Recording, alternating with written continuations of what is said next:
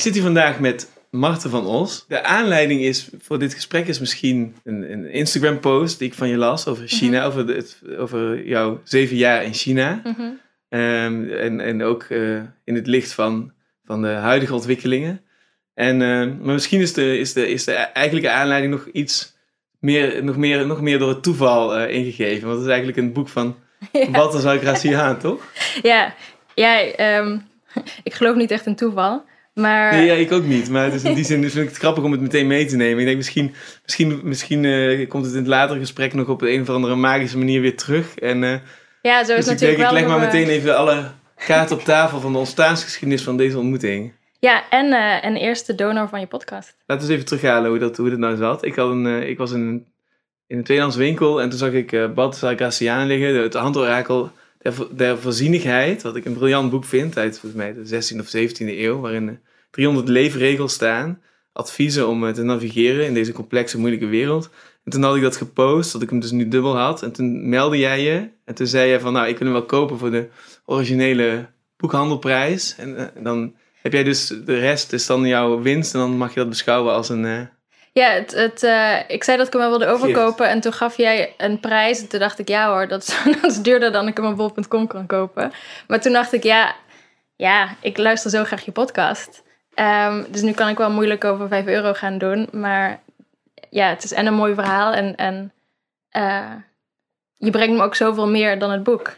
Door, door naar je podcast te luisteren. Dus dan, eh, dus graag, ja.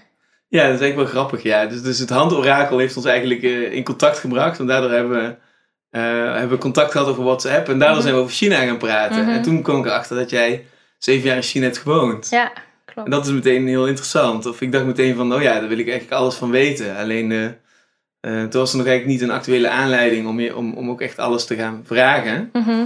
Toen heb je, eh, ik denk een paar maanden geleden Ja, of zo. ik, ik checkte vanochtend, het was twee maanden geleden. ja. Ja, Toen heb je besloten om iets te posten over daarover. Zo. En, dan, ja.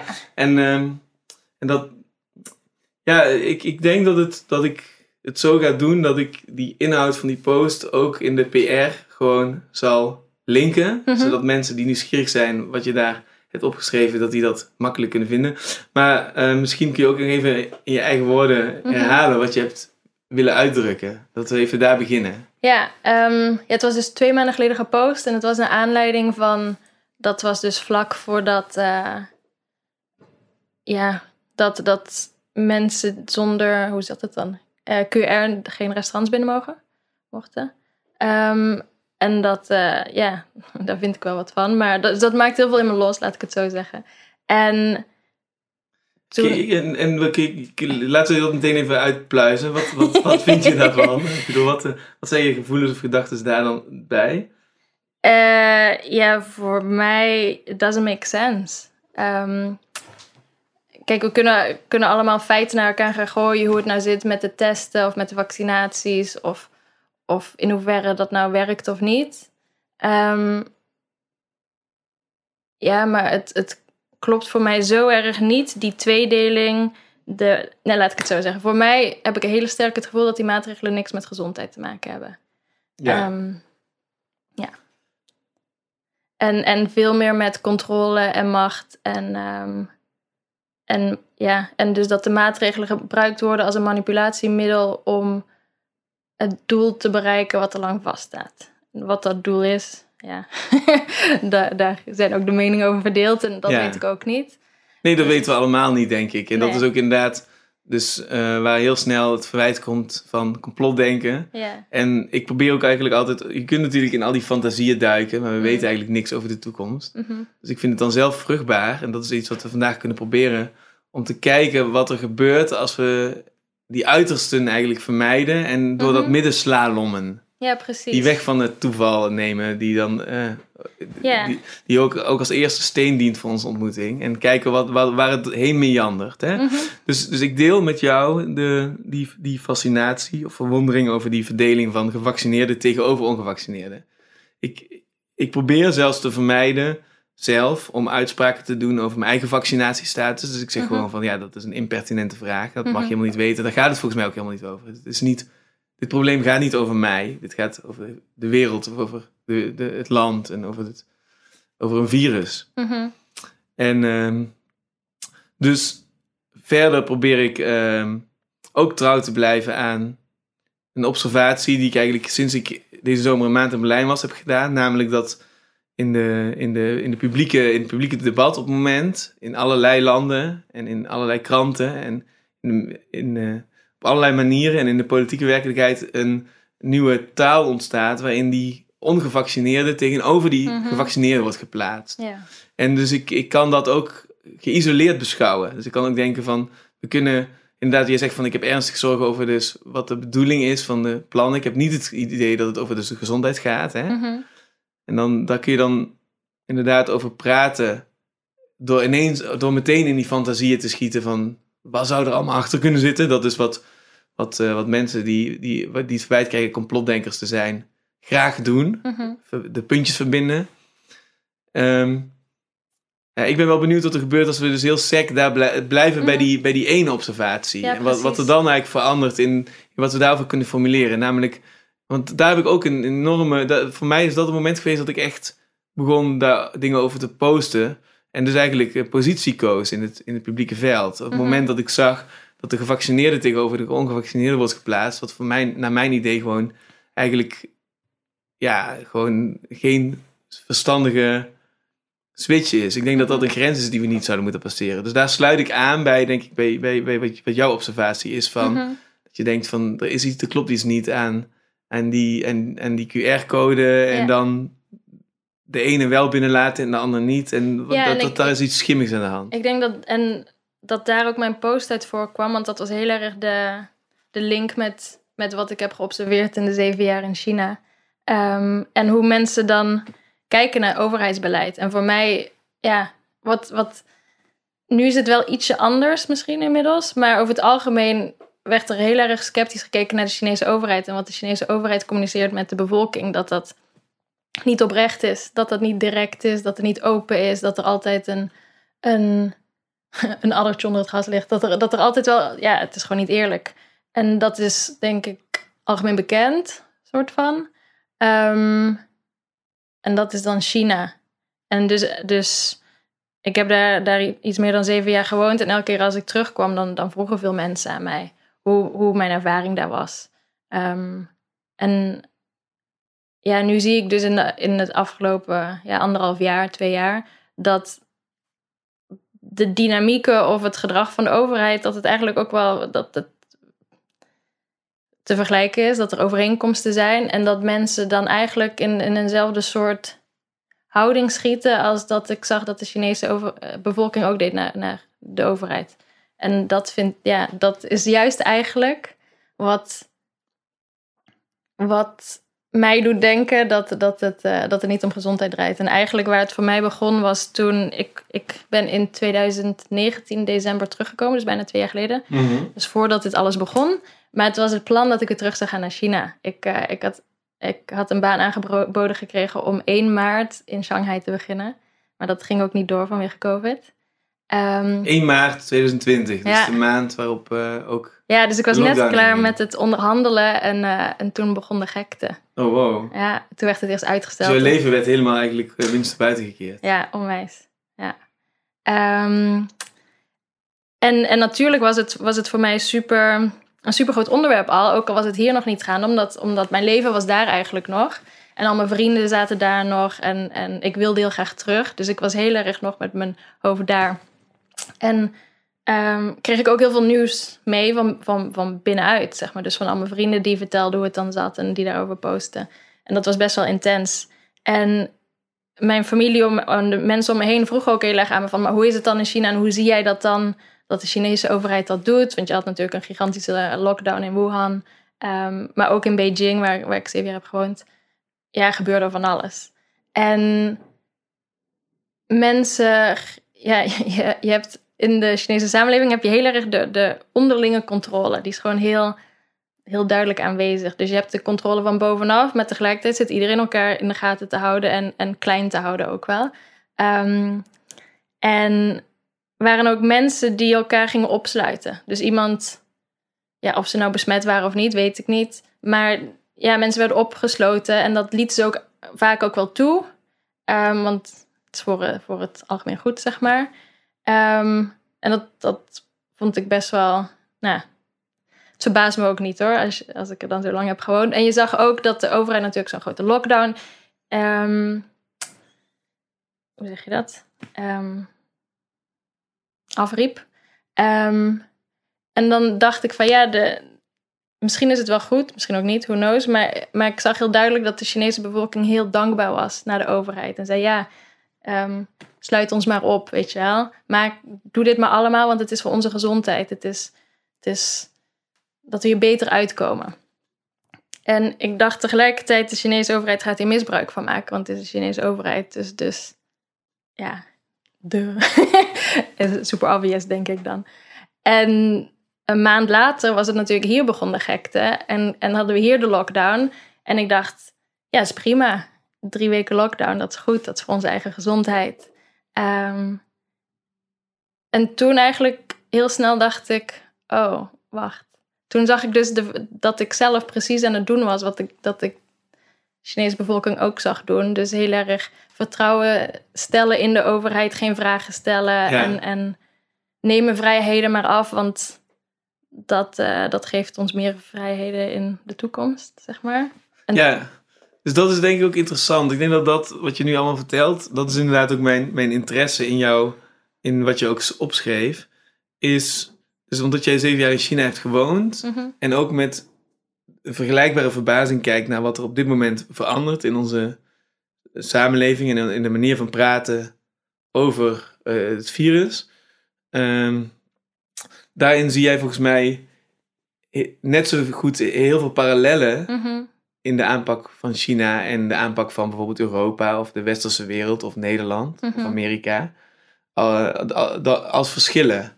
Ehm, of misschien zie je wel meer overeenkomsten. Of dat, en en dat, dat, dat, als ik me goed herinner, of ik bedoel, als ik in mijn eigen woorden zou samenvatten hoe ik dan die post las, ehm, dan zou ik dat als volgt doen. Um, ja, mensen vragen mij uh, sinds ik in China woonde, de oren van het lijf van hoe zit dat nou met de, wat wij zouden zien als mensenrechten schendingen of hoe kan het dat de bevolking maar slikt wat daar wordt mhm. opgelegd. En uh, zou, zo zouden wij in Europa helemaal niet willen leven. Zij leven daar wel zo. Hoe komt het dat mensen niet in opstand komen tegen hun overheden en tegen hun kranten? En jij schreef eigenlijk heel mooi van, nou ja, ik wijs die mensen die die kritiek uiten dan mhm. op alle dingen die wij in Europa hier meemaken. En dat zijn dezelfde dingen. En, mhm. en, dat, en je schetst eigenlijk heel mooi die parallellen uh, van uh, ja, hoe, dan, hoe, hoe, eigenlijk nu in de afgelopen anderhalf jaar eigenlijk allerlei dingen als zoete koekjes geslikt worden. En hoe eigenlijk niemand daar wat van zegt. En hoe mensen elkaar inderdaad eronder houden en mhm. onderdrukken. En, en, en elkaar uh, zwart maken of bagatelliseren uh, of, of, of, of, chanteren of eigenlijk alles uit de kast trekken om elkaar te manipuleren. Dat, daarvan zeg jij eigenlijk van ja, dat is, dat is dus precies hoe, hoe we ook naar China kijken. Dat is hetzelfde, dat is niet verschillend. Er zullen natuurlijk ook heel veel verschillen zijn. Ja. Uh, er zullen ook heel veel overeenkomsten zijn. Maar maar het lijkt mij dus interessant of, of, een mooie onderneming om eens een keer hier in het kaf van het koren te scheiden. Ja, niet, niet alsof, alsof wij dat dan weten, maar, maar, maar in ieder geval even die gedachtsoefening hebben met, met één stem van binnenuit die daar dan zeven jaar heeft gezeten. Dus, dus misschien, uh, ja, of, of ik bedoel, val ik dat zo goed samen? Ja, ja heel goed. Um, ja, heel goed. Ja. ja, dus, dus ik, ik ben dan wel heel erg geïnteresseerd in dus ik denk, misschien moeten we dan eerst even kijken hoe dat. Misschien moeten we eerst even over China praten en over jouw leven daar en wat je hebt gezien. Mhm. En kunnen we dan daarna uh, dat uh, applyen op het, op het, heden en op, het, op waar, wij, waar we nu leven en waar we nu in zitten en hoe dat in Nederland werkt. Ja, ja, is goed. Ik weet niet zo goed waar ik moet beginnen, dus... Uh...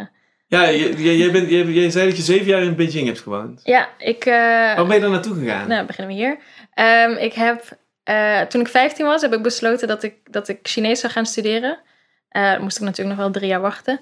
Um, dus ik heb eerst in Leiden China Studies gedaan. Dus dan leer je, de, leer je Mandarijn en je leert heel veel politiek en geschiedenis en cultuur. Dat soort dingen. En toen na mijn bachelor ben ik naar Beijing gegaan voor mijn master.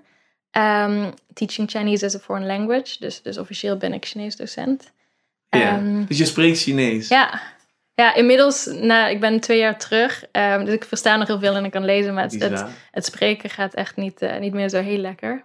Hoe zou, je, hoe zou je de vorige zin in het Chinees uh, uitspreken? Eh, Xianzai zhongwen Zhongwan tai hao. Oh ja. Ja, ik kan nu niet controleren, maar het klinkt wel het. Eh, het betekent, nu is mijn Chinees niet zo goed. Um, de, de grap is dat ik, ehm, toen ik mijn master deed, dat dat op een volledige Confucius Instituut beurs was. Ehm, omdat eh, het is ook wel het, het ding van de overheid, die soft politics. Dus, dus ehm, door meer mensen de taal te laten spreken en de cultuur te, te verspreiden, vergroot ze natuurlijk ook hun macht. Maar nu zit ik hier een podcast, podcast op te nemen die niet heel eh, pro-China is. Dat was En is dat zo? Is, het, is, is dat, is, is, is- is- wordt dat zo gezien Van, van wat? Van vanuit China? dit? Nee, ik bedoel, wordt dat, wordt dat gezien? Ik, heb altijd, ik heb, ik, dus ik ben ook eh, dan, ik ben twee weken in China geweest, dat is Mhm. heel kort, maar ik heb dus wel een aantal indrukken opgedaan. Ik was daar ook met iemand die daar een jaar zat en we hebben er heel veel over gepraat, ook van tevoren, ook toen we daar waren en ook na afloop. Mhm. En ik heb ook in die hele korte tijd heel veel dingen gezien die, die me toch heel andere inzichten gaven over China. Mhm. En een daarvan is inderdaad hoe, hoe je kritiek moet opvatten. Of kritiek op China moet opvatten. En, en dat, naar mijn idee, gaat het dus heel erg over. Dus eigenlijk mag je, je kunt daar gewoon rondlopen. En je smartphone is, dat kun je dan zien als een afsluisterapparaat. Maar, maar dat is helemaal niet zo dat je moet oppassen wat je daar zegt tegen wie. Het gaat erom of je dat gaat publiceren. En, en, en vanuit welke plek je dat gaat publiceren. En of Precies. je daarmee iets kan ondermijnen van die Chinese samenleving. En als de Chinese samenleving dat ondermijnend vindt, dan zetten ze je gewoon het land uit. En dan mag je er gewoon niet meer in. Dus het is niet zo dat je daar dan als een soort dissident in een hok wordt gegooid. Het is meer zo dat het een soort luizenkamp systeem is. En als Mhm. wij hier in, in Amsterdam een podcast opnemen, dan naar mijn idee blijft dat volledig off the radar, zeg maar. Dat is gewoon helemaal niet zoals zij... ja, totdat ik een visum ga aanvragen. Oh ja, dus jij, jij hebt nu zo van, nu, nu, nu er een camera aan staat, riskeer jij eigenlijk jouw terugkeer naar China? Is dat, is dat zo Ehm, letterlijk? Ik zou, ik, zou niet, ik zou niet verbaasd zijn als het zou beïnvloeden. Ehm, of het het zou doen, weet ik niet. Ehm, maar ik ga er ook al vanuit dat ik nooit meer terug ga. Dus, dus dan Oh ja. neem ik het risico. Dat is wel een hele grote uitspraak. Ja, Als, eh, omdat je twee jaar geleden nog in China wilde wonen. ja. Wat is er veranderd? Of ik begin meteen bij, dan meteen van het begin naar het einde. ja, we gaan naar het einde dan misschien. Ehm, nou, ten eerste om, omdat je volgens mij het land niet... Nu is het heel moeilijk om terug te, te gaan ook, sowieso. Ehm, de controle was altijd al heel streng en die die is alleen nog maar nog strenger geworden. En als ik het al lastig vind om in deze samenleving te functioneren zonder QR, dan is dat daar onmogelijk. Ja. Ehm, dus, dus ja. ja, dus eigenlijk de QR-samenleving is eigenlijk een feit sinds COVID. In ieder geval voor, het, eh, voor, voor een land als China. Ja, en alles ging al met QR's hoor. Dan niet per se een health QR. Ehm, en het is ook niet dat nu iedereen al is gevaccineerd. Ja. Ehm, veel mensen wel. En officieel is er geen verplichting, maar ja, officieel. Ehm, maar, maar je moet wel constant je, je health code scannen. En, en die zit ook weer gelinkt aan WeChat. Ehm, dus het kan zomaar zijn dat, dat iemand positief is getest. En dan weet ze meteen jou op te sporen. En, en dat gaat ook steeds extremer. Laatst was volgens mij Disneyland. Ehm, ik weet niet of je dit had. ja, Ja, was, was iedereen erin was afgesloten en mocht, mocht er pas uit met een test. Zeg maar. ja. Ja. Ja, dus, en- dus, dus ja, misschien, dus nu gaan we een beetje, eh, hoe zeg je dat? Heen en weer. Ehm, Duur me maar terug naar waar we heen moeten. Nee, nee, nee, maar ik denk van alles wat je zegt is meteen weer een aanleiding om daarin te duiken. Dus nu gaat het dan heel even over dat, dat, dat hoe, in China dat QR-codesysteem werkt. Ja. En kun je, misschien kunnen we, daar dus, kunnen we daar meteen eens even induiken. Van, Mhm. Van, eh, van hoe zit dat precies? Nou, je- van tevoren, we hadden het hier van tevoren in de keuken al even over de, over de WeChat. Die, WeChat. Die heb ik ook op mijn telefoon toen geïnstalleerd. Dus ik Ja. weet wel wat het is. Maar misschien kun je eens Mhm. uitleggen. Voor de Dus, dus WeChat is een app eh, met wel basically je hele leven. Dus het is een combinatie van, van Facebook, Instagram, WhatsApp, je bankrekening, ehm, je, je Uber, je, ja, en nog veel meer inmiddels vast. Ja, alles waar wij losse apps voor hebben, zit daar in één handige app. Een soort alles in één pakket waar je alles mee kan. Hè? Ja, ja heel handig. Ja.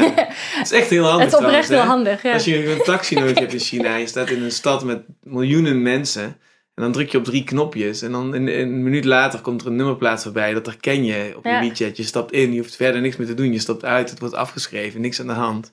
Precies. Als het werkt, werkt het gewoon als, ja, het, het is oprecht heel handig. En daarom is ook iedereen er zo afhankelijk van. ja, Ehm, dus, dus ook deze, de health app, de health code of whatever, die, die zit ook gelinkt aan je, aan je WeChat. Ehm, en je moet, nou, de, de, alle details weet ik ook niet, maar ik krijg nog, nog wel veel ins en outs van, van vrienden in Beijing binnen. Ehm, dus als je, ja, wat heb je daar? Je hebt bijvoorbeeld een, een in Beijing heb je een, nou, je hebt heel veel shoppingmalls, maar je hebt dan als je daar doorheen wil, ook al is het een open shoppingmall, dan moet je ook eh, je moet sowieso een mondkapje op inmiddels. eh, en, en je moet die code scannen. Dus je komt er niet in zonder, zonder dat te scannen. En iedereen doet het, want ja, hoort erbij, zeg maar. ja. Ja. Ja, dus je, je, dus je gezondheid is ook weer onderdeel van die, van, van die ene app waar eigenlijk Ja. alles in staat. Hè? En dus als je bijvoorbeeld ehm, nu met, met COVID, als je eh, positief bent, dan, dan, dan gaan er meteen deuren open en deuren dicht. Mhm, zo? Want het, het zit sowieso ook gelinkt aan je paspoort. Ehm, en ja, je, je location settings staan gewoon natuurlijk aan. En, en dus ze weten precies waar iedereen is, met wie, wie, in, wie in contact komt. Ehm, ja. ja. Dus je kunt eigenlijk zo handig als dat ik WeChat vond toen ik in China was met taxis en met eigenlijk alles. Nou, ik was met een vriend, ik herinner het me ineens weer. Die, hij had WeChat op zijn telefoon. Ik had het natuurlijk ook om te chatten. Mhm. Maar ik had dat niet in die korte tijd ook helemaal gekoppeld aan mijn alle betalingssystemen en zo. Dus hij deed de betalingen en, beta- en hij deed dat allemaal. En ik Ja. dan, Ja, kan, En, je eh, hebt dan ook een Chinese bankrekening nodig. ja, precies. Dus je Ja. moet dat allemaal regelen. Ja. En als je dat niet regelt, dan kun je ook heel weinig. Dus ik was eigenlijk compleet afhankelijk van, van, van hem in die tijd. Ja. En eh, dat was ook heel... eh, heel- ja, dat is er- er- ergens ook heel irritant. En dan zie je dus ook wat je privileges zijn en wat allemaal geopend wordt zodra die Mhm. app het gewoon doet. En dan, dan is alles ook heel makkelijk. Inderdaad. Als, als je het doet, is alles heel makkelijk. En het is natuurlijk en makkelijk voor de gebruiker en voor de overheid die, die alle data heeft. Ja. Dus, dus een win-win. Ja, het, het heeft ook heel veel voordelen, volgens Ja. mij. Want bijvoorbeeld, een van de voordelen is dat, het, dat China een van, ja, de, by far de veiligste plek is waar ik ooit ben geweest. Mhm. Ja, Absurd. Je kunt gewoon je telefoon en je portemonnee in een café laten liggen en dan ja, krijg je het gewoon terug. ja, want dat had jij toch, vertelde je? Ja, ik had mijn jas laten liggen in een kroeg en, eh, en, eh, dat was die, en toen was er een soort opstootje, er, was, er werd ruzie gemaakt en Ja. daardoor werd die kroeg leeggekamd. Ah ja. En eh, en ik stond aan de andere kant van de kroeg en ik had niet de helderheid van geest om aan mijn jas Mhm. te denken. Ik dacht pas vijf minuten toen ik buiten stond van shit, mijn jas ligt daar nog met mijn sleutels en van alles erin. Ja. En toen was het de volgende dag heel makkelijk om gewoon met iedereen te WeChatten met wie we die avond gedronken hadden. Die hadden natuurlijk allemaal onze QR-codes aan elkaar gescand, Ja, zodat we onze sociale netwerken hebben. En daar konden we gezellig mee kletsen. En dan hoefden we gewoon alleen maar te vragen van waar is mijn jas? En toen kwam een half uur later gewoon iemand mijn jas terugbrengen. is heel makkelijk. En waar was dit? Dit was in, oeh, dat weet ik eigenlijk niet meer zo goed. Echt in het midden van China. Mhm. Ja, dat zou ik moeten opzoeken. Mhm. Niet meer. Ja. Ja, ja, over het Heb, heb je algemeen ook is dit het... soort ervaringen ge- gehad? Ehm, ja, qua veiligheid. Ik, ik, eh, ik was een, dus zeven jaar lang eh, een alleenstaande jonge vrouw in China. En, en over het algemeen heb ik me altijd heel veilig gevoeld. En ook, ook als ik uitging en s'nachts met iets te veel wijntjes naar huis ging, dan was dat prima. Eh, wat, wat ik misschien al wat minder in Nederland zou hebben, weet ik eigenlijk niet. Ja, dus het is van de ene kant heel veilig. Lichamelijk zou ik dan misschien zeggen. Ehm, en tegelijkertijd word je overal genaaid, zeg maar. Is dat zo? ja. Dus, dus in dat opzicht is het dan weer niet veilig. Kun je, kun je- kun je een voorbeeld geven? Ja, daarvan heel veel. Ehm, ja, alles. eh, ja, Chinezen zijn eigenlijk niet zo. Nu kan ik ze natuurlijk ook niet allemaal onder één kam scheren hoor. Maar over het algemeen is er niet heel veel. Ja, het is niet zo eerlijk en direct. Dus, dus in je gezicht is het misschien allemaal leuk en aardig. Ehm, en dan kan je afspraken maken over allerlei dingen. En dan als puntje bij pijltje komt, gaat het toch niet door. En ik heb, eh, ik heb twee jaar daar gestudeerd en één jaar fulltime gewerkt. En de rest was allemaal freelance. Dus heel veel verschillende projecten. Ehm, en dan, dan ja, is het dus elke keer maar de vraag of, of dat doorgaat. Of, of echt wel de afspraken worden nagekomen. Ehm, en voor- ik heb voor- vooral met, met huisbazinnen moeite gehad.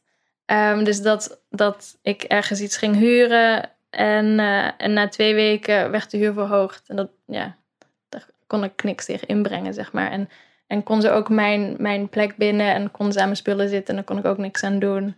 Eh, en Oh ja, het is interessant. Dus dit, als je het hebt over dit level van... ja, als buitenlander heb je niks te zeggen. Ja. Ja, ja, als Chinees misschien ook niet. Maar, maar ja, wat doe je er tegen? Ja, dus je, Is het- is dus het je hebt eigenlijk een... Dus, dus, dus eigenlijk... Want ik, ik weet nog dat, dat, dat ik met die vriend in China was. En dan, dan ga je natuurlijk heel erg in die antithese hangen. Van, dan, heb je, dan heb je al heel die China-kritiek in je hoofd... waar je hele leven mee bent doodgegooid in de Mhm. westerse wereld. Waar ons gesprek ook mee begint.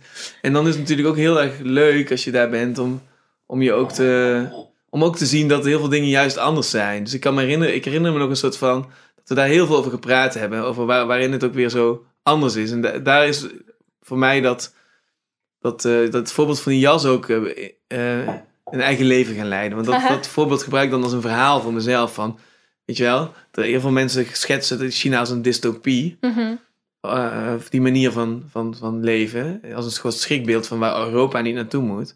Dan, maar het is altijd wel interessant om dan als antithese mee te nemen van... Ja, maar het is wel bijvoorbeeld heel veilig. En dat willen Ja. jullie toch ook, eh, die veiligheid. Dus het is, het is, het is een Het is soort heel van... dubbel. Het is heel erg dubbel. Maar dan ik- zeg jij eigenlijk weer van, van ja, maar, maar, maar die, dat is ook weer een schijnveiligheid. Want dat is eigenlijk op een soort superficial level. Ja. Is er een soort glazuurlaagje, is, is, is goed.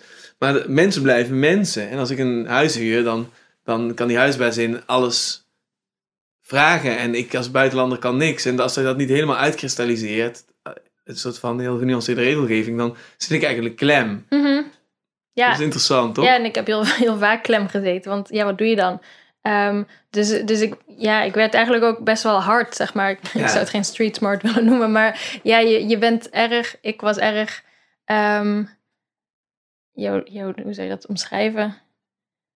Wary, I guess. Van, van alles wat zou kunnen gebeuren. En elke keer als er dan een soort van tegenslag komt... Of, of je, ja, dan even ademen. En dan, oké, wat is de oplossing? En door. Daar echt Ja. niet eh, bij neer gaan zitten, zeg maar. Ja, ja ik heb ook in, in, in mijn leven geleerd aan mezelf van als het met geld is op te lossen, dan is het waarschijnlijk geen probleem. Ja. Dat is een hele goede oefening. Ja, precies. En in je leven kun je ook zeggen van 5% onvoorzien. Mhm. En op het moment dat je dus een calamiteit hebt, dan moet je eigenlijk naar die kamer in je hoofd. Dus als je in zo'n, in zo'n eh, appartement Ja, zit, dan is je neiging om te denken, vanaf nu is elke dag van mijn leven duurder. En mijn leven, weet je wel, je gaat van grote het, dystopische het dingen kwam erop neer dat ik dus daar maar een maand heb gewoond.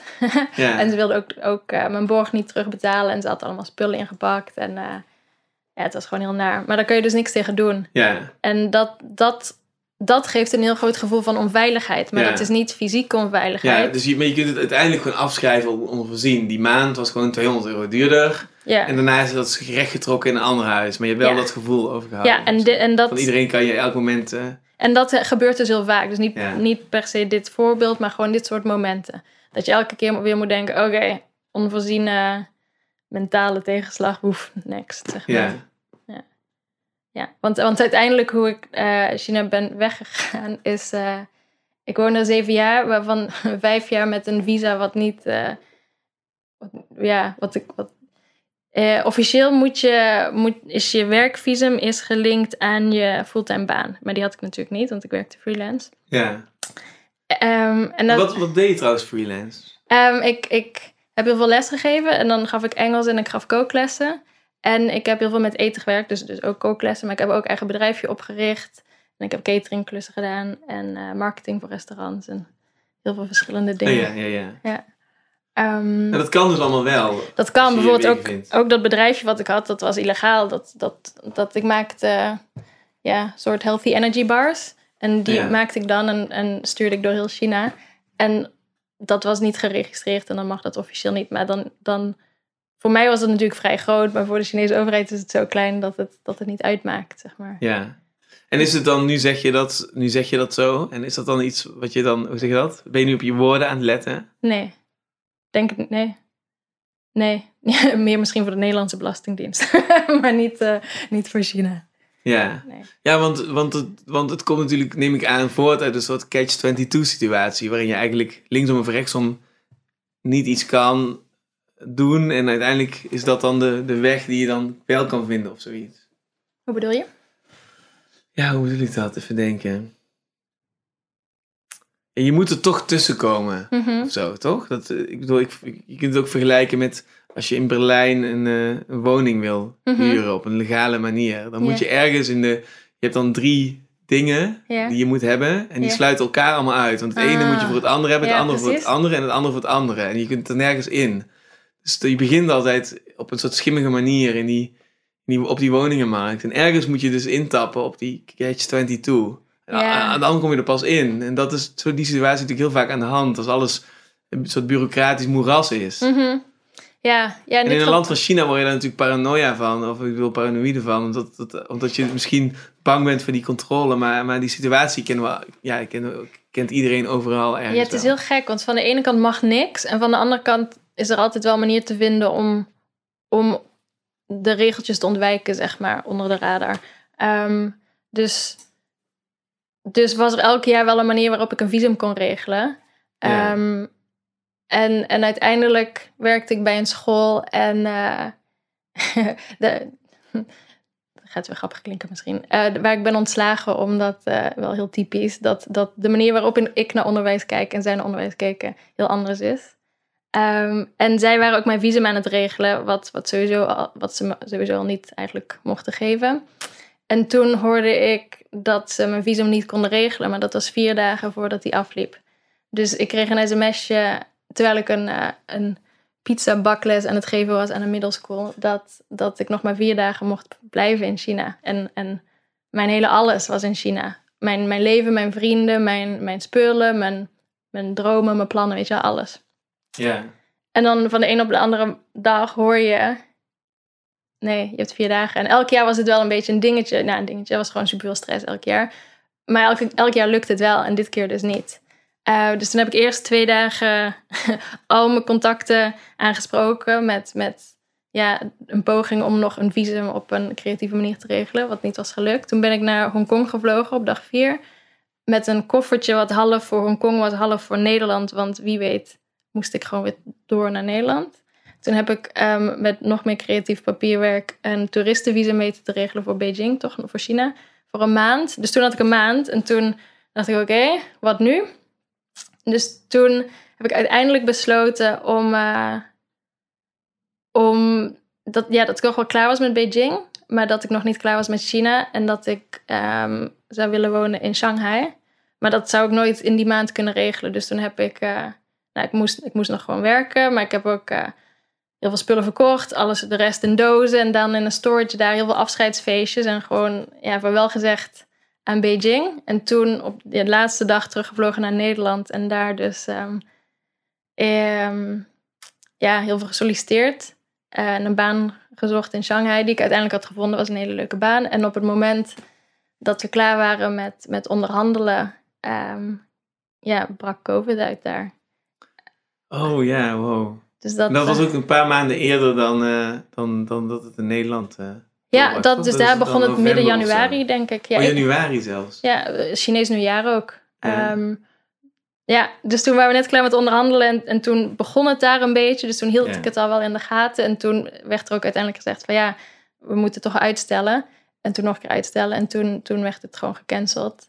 En, en En toen was je je visum dus kwijt ook. ja, ik was sowieso mijn visum al... Ja. Ja, dat was nog niet geregeld. Je, je deur op een, op een nieuw Precies, visum dat was eigenlijk de, de, eerste, of de eerste legale werkvisum die ik zou, Ja. die ik zou kunnen krijgen. En is, is, dit, is dit exemplarisch voor hoe mensen in, in, die, die niet Chinees zijn in China navigeren? Of Ja. is, is dit wat je om je heen ook hebt gezien bij, bij je Nou, vrienden of bij mensen? Ja, het gebeurt heel veel. Dus, dus ook sowieso niet iedereen. Maar, maar visumproblemen zijn echt, eh, echt een ding.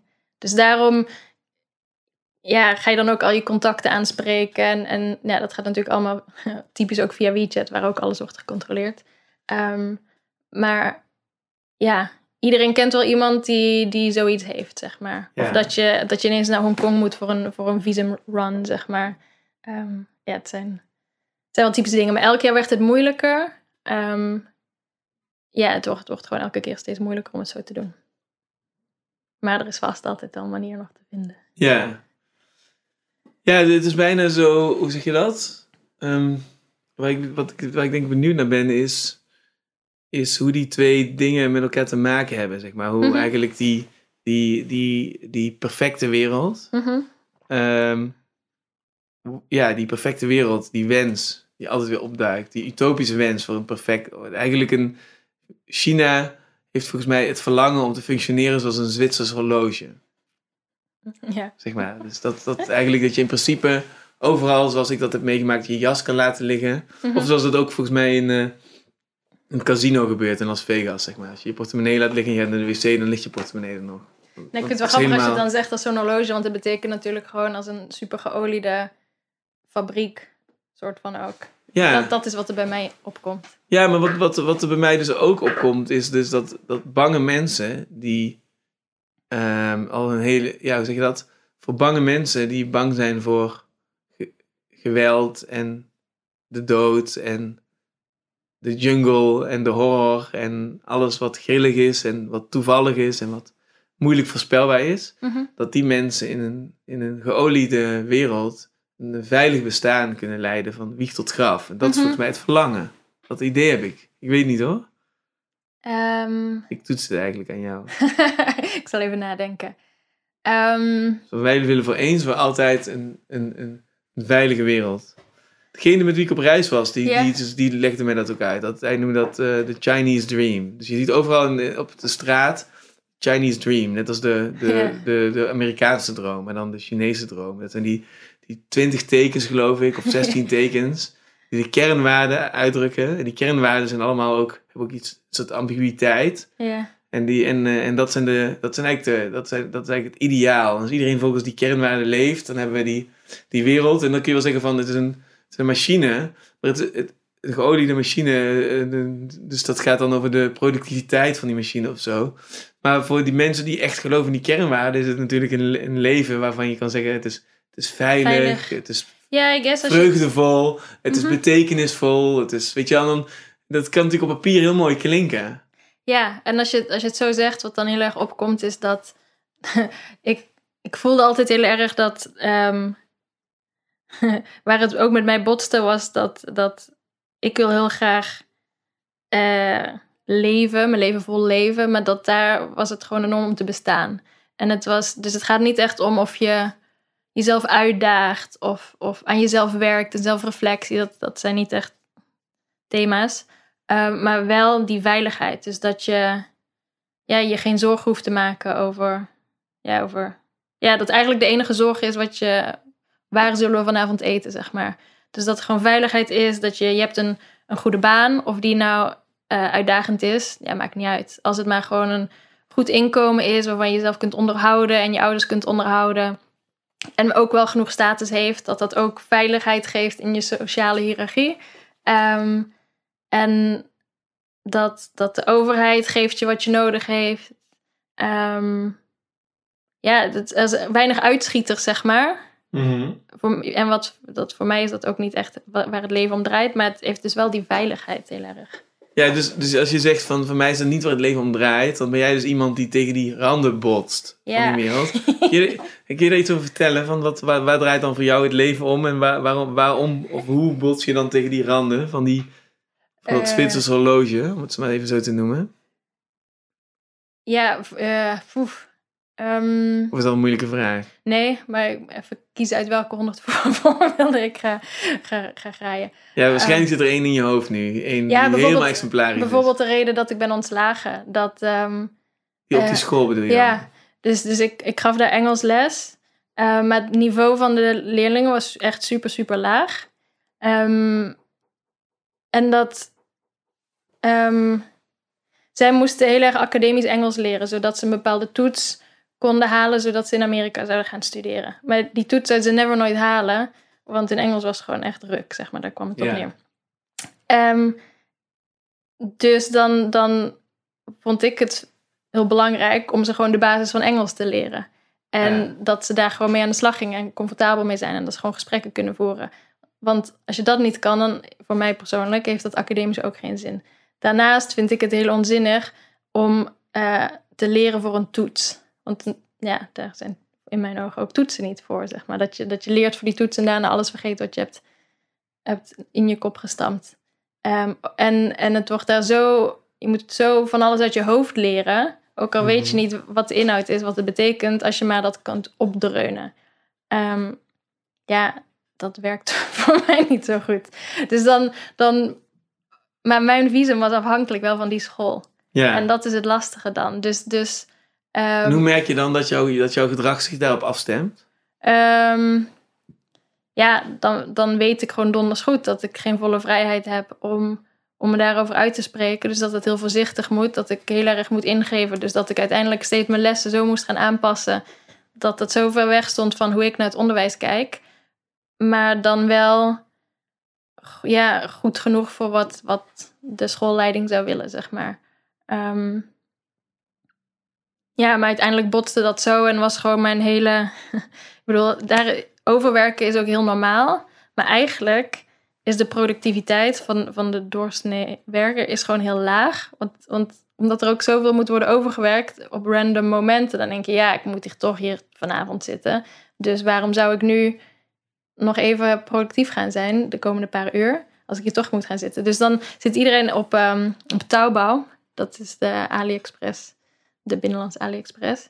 Dus, nou, ook niet iedereen. Maar veel mensen zitten gewoon op WeChat of online te shoppen en allerlei dingen te doen. En dan moet je ineens gaan overwerken. En dan moet iedereen overwerken. En dan s'avonds is het echt niet alsof er dan hogere productiviteit is. Maar dat moet. En als het is verteld van je, van je leidinggevende, dan kan je daar niks tegen inbrengen. En ja, dat botst ook bij mij. Ik denk, geef mij maar een paar uur productiviteit. En dan ga ik naar huis en dan ga ik leuke dingen doen, zeg maar. Maar dat Ja. mag niet. Daar kan je niet tegenin gaan. Ja, dus, dus het vertaalt zich niet naar de gedane arbeid, maar het is eigenlijk iets wat van bovenaf blind wordt opgelegd en gegeneraliseerd. En, ja. en er wordt niet nagedacht over de aard of het type van het werk. Ja, tegelijkertijd merk ik nu dat ik onwijs aan het generaliseren ben. Ook niet dat Ja. bij iedere persoon dat zo is, of bij iedere werkgever. Nee, nee, maar volgens mij bleef heel trouw juist bij wat jouw ervaring was. Ja. En waarom jij als mens niet een persoon bent die in dat. Zeg je dat? eh, Dus ik probeer het expres te benaderen vanuit wat volgens mij de USP is van zo'n benadering. Hè? Ja. Ik bedoel, ik kan er ook kritisch op zijn.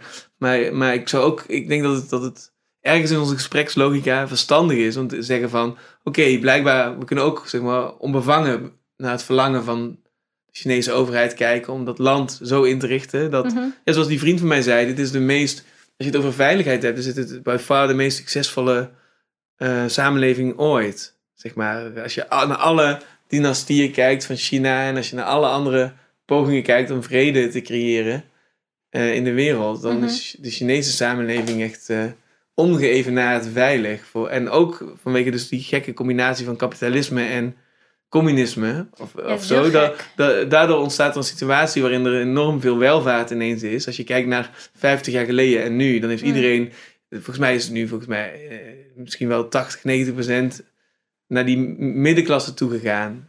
Ja, geen idee van de echt- cijfers, maar het is een gigantische Of middenklasse. ja, in ieder geval heel erg veel mensen. En terwijl daar zo'n ontzettend eh, diep level van armoede gold, zo Ja. lang. Ja, ja. En dus als je kijkt wat er in, in die 50 jaar is gebeurd, dan, dan, dan als je alleen maar naar de papieren kijkt, dan zie je dus een succesverhaal. Mhm. En, en dan vraag je je af, ja, waar, waar, waarin is het dan niet succesvol? En, en, en dan, dan is het interessant om in die antithese naar het persoonlijke level af te dalen. En dan is een schooltje waar je eigenlijk ziet hoe, hoe dat op het ground level werkt. Dan zie je van, ja, maar zo wil ik helemaal niet leven. En dat is Mhm. volgens mij ook de botsing die mensen ervaren. Dat, ehm, eh, ja, dus daarin, daarin, daarin, zo probeer ik het even dan Mhm. te, in perspectief te ja, plaatsen. hè. precies.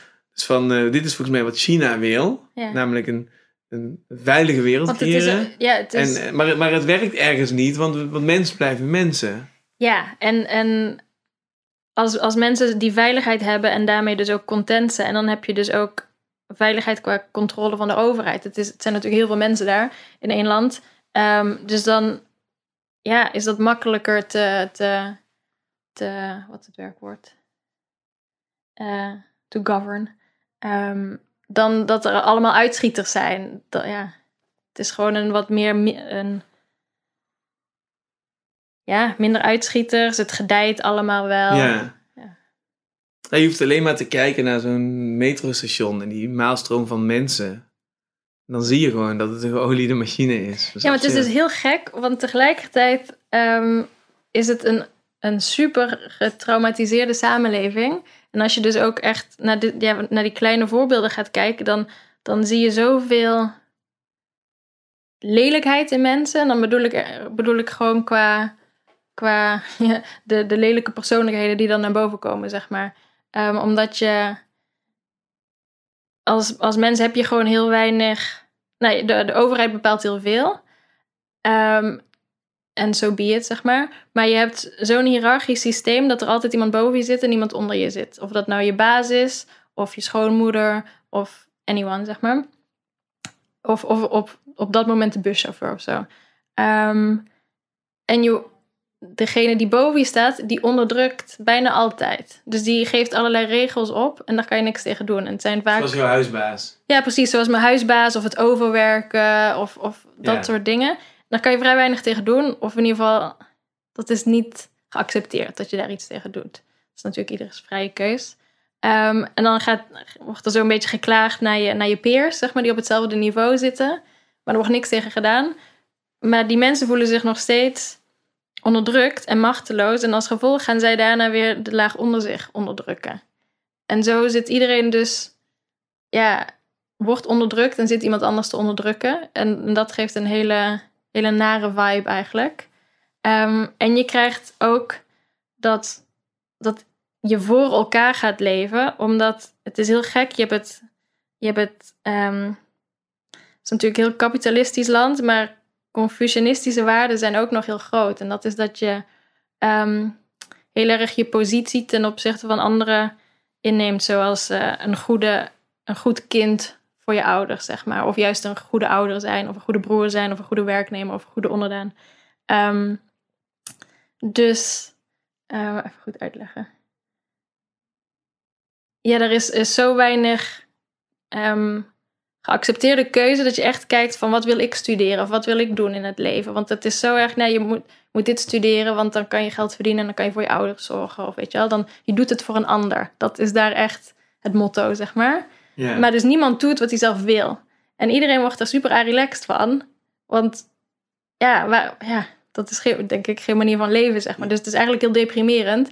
En omdat jij dus niet uh, als één persoon een leven van een ander moet leiden eigenlijk, dan worden ze ook een beetje venijnig naar anderen die, die dat wel doen. En daarom, daar krijg je ook een beetje het elkaar onderuit halen.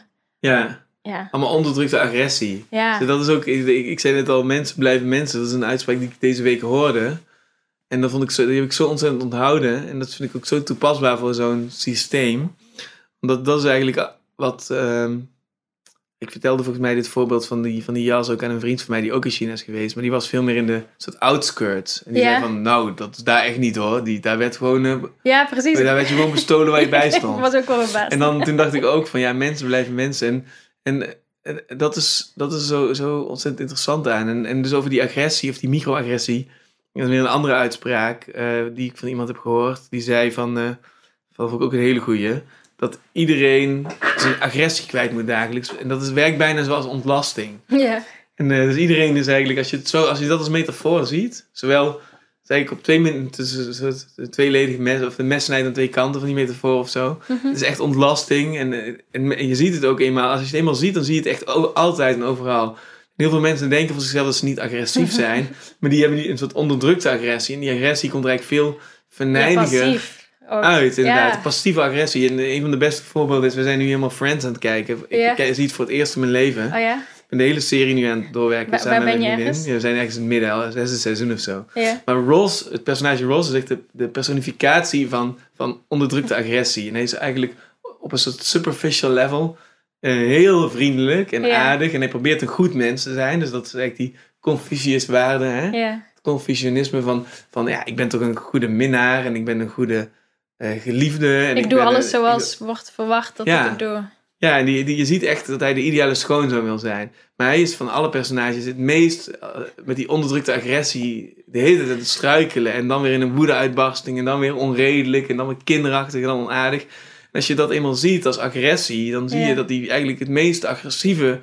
Van, eigenlijk het niet aardig. Het is echt een onsympathiek, gemeen personage. En hij is eigenlijk precies hoe goed hij wil zijn, zo slecht is hij. Terwijl iemand als Chandler is eigenlijk in al zijn klunzigheid heel likable en heel aardig. En Joey is eigenlijk ook heel zachtaardig en, Ja. en goed bedoelend. En, en zelfs Rachel, die een soort prinsesje is, is eigenlijk, heeft, zijn, heeft haar waardesysteem echt op orde. Mm. Het is grappig dat je dat zo analyseert. Want, want ik heb het natuurlijk ook gezien. En hoe je dat dan zo in woorden brengt, dat is wel eh, to the point. Ja. Ja, ik moet nu jouw jouw China-ervaring omzetten in, in In Hollywood-beelden, zodat, zodat, zodat er iets van betekenis ontstaat. Ehm, maar nee, maar, maar het, is, het, is inderdaad echt, het is inderdaad echt interessant. Die Amerikaanse comedy-personages, die zijn zo ontzettend vruchtbaar voor, voor, voor, voor, voor me- menselijk en intermenselijk gedrag. En, en Ja. zoals je zegt, van in China zijn die waarden van een goed mens zijn belangrijk, want je moet je gedragen niet voor jezelf, maar voor een ander. Je bent een mier in een mierenhoop. Mhm. En die hele mierenhoop moet gaan functioneren. Dus het Ja. gaat er niet om wie jij bent, het gaat om de wil. anderen. Dus het mantra wat we in de coronacrisis heel vaak horen is, je doet het voor een ander. Ja, dat is datzelfde mantra. Hè? Ja. En dan, dan, dan denk je van ja, maar als, die, als, als we het allemaal voor een ander doen en we doen het allemaal goed, dan is er dus geen agressie. En dan zeg je, dan wijs je naar Ross en dan zeg je, jawel, dan is er wel agressie, Ja. maar dat is onzichtbare agressie. En de agressie van Ross is veel agressiever omdat het onderdrukte agressie Ja, is. en, en, eh, en daar. ehm, Niemand neemt aanstoot aan, even nog één ding, niemand Ja. neemt aanstoot aan de, aan de flirts van eh, Joey. Joey Nee. is een flirt met alle meisjes. Hij gaat soms één keer met iemand naar bed en dan nooit meer. En, maar hij is heel zuiver op de graad, heel eerlijk, heel open daarover. Ross zou dat nooit doen. Die zou nooit met één, één keer met iemand slapen. Maar intussen vers, eh, heel- beledigt hij elk meisje wat hij tegenkomt. ja, het is heel hypocriet, want die, die, die needs, die behoeften zitten er wel, maar hij is niet eerlijk naar zichzelf. En daarmee, zijn gedrag is dus ook niet in lijn Ja, daarmee. precies. Ja, en, en Precies. En dus daar, daar moet je dan denken als je zegt van als een hele samenleving zo is ingericht dat, dat, dat, dat, dat iedereen het voor een ander doet, dan krijg je dus al die onderdrukte agressie. En die Mhm. richt zich dan allemaal naar, naar- van boven naar onder. En dan dus het trickle-down systeem van agressie. Ja. Ja, en er is altijd wel iemand te vinden die, die op dat moment onder je staat. Zeg Ja. maar. Je merkt ook bijvoorbeeld aan Hugo de Jonge, hè, die als hij echt wordt tegensproken door Van Haga bijvoorbeeld, echt iemand die je echt niet leuk vindt. Je ziet dan dat zijn hoofd omlaag gaat en dat hij wegkijkt. En dan gaat hij blaffen als een hond, dan wordt hij boos. Dan komt al die passieve agres- agressie ineens aan de oppervlakte. Ja. En dan wordt hij heel agressief. En dan van, ja, maar daar hebben we het nu niet over. En- Maar, maar in dat geval zou je, zou je misschien ook wel. eh, zijn dat ook wel narcistische trekjes die wat verder liggen, misschien dan, eh, dan, dan wat onderdrukte agressie? Ja, ja, ja. Nee, tuurlijk. Ja, ja, ik, ik, ik ga misschien even helemaal aan de haal. maar, jou- maar nee, ik met jouw herken het al. Maar, maar ik denk van, van, het is wel interessant, omdat je dus, dus de, de, de mensen die, die die veiligheid het belangrijkst maken, ja, die Ja. gaan misschien iets, iets meteen de diepte in, maar waar ik deze week heel erg veel over nadenk, Ja, ehm, is dat mensen, je hebt mensen die veiligheid belangrijker vinden dan vrijheid, je hebt Ja. mensen die vrijheid belangrijker vinden dan veiligheid. En dat is volgens mij, dat is volgens mij het gesprek wat niet gevoerd wordt. aha. Klopt.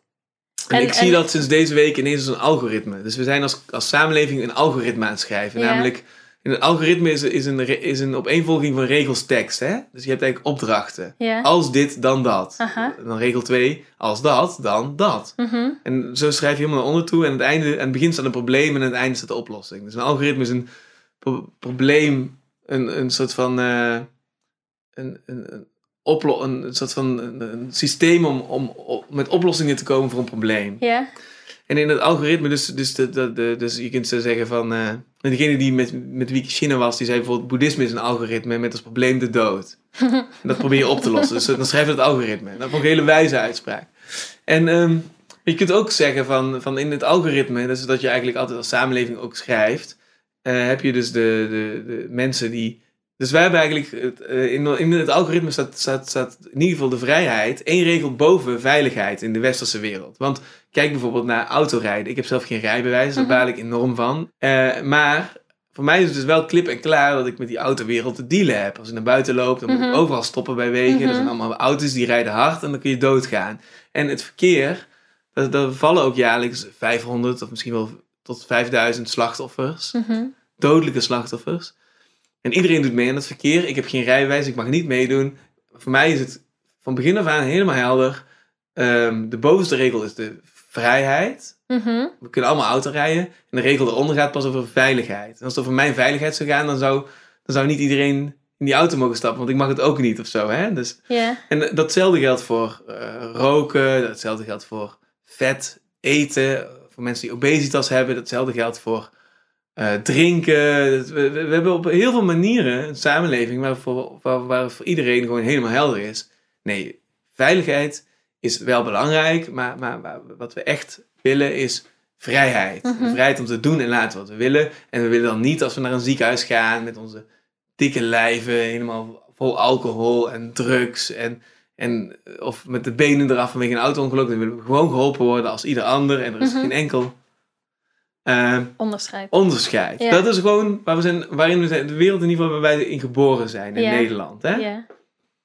En dan nu, nu sinds COVID, zijn er mensen die gaan, dat, die gaan dan in één keer zeggen van nee, we moeten dat algoritme veranderen. We moeten De nu volgorde. veiligheid boven vrijheid. vrijheid gaan zetten. En dat is volgens mij wat aan de hand is. En dat is de discussie. Aha. En die veiligheid, dus als je het dan over die veiligheid hebt, dan, dan, dan, dan moet je je verplaatsen in het verlangen van de mensen die dat willen.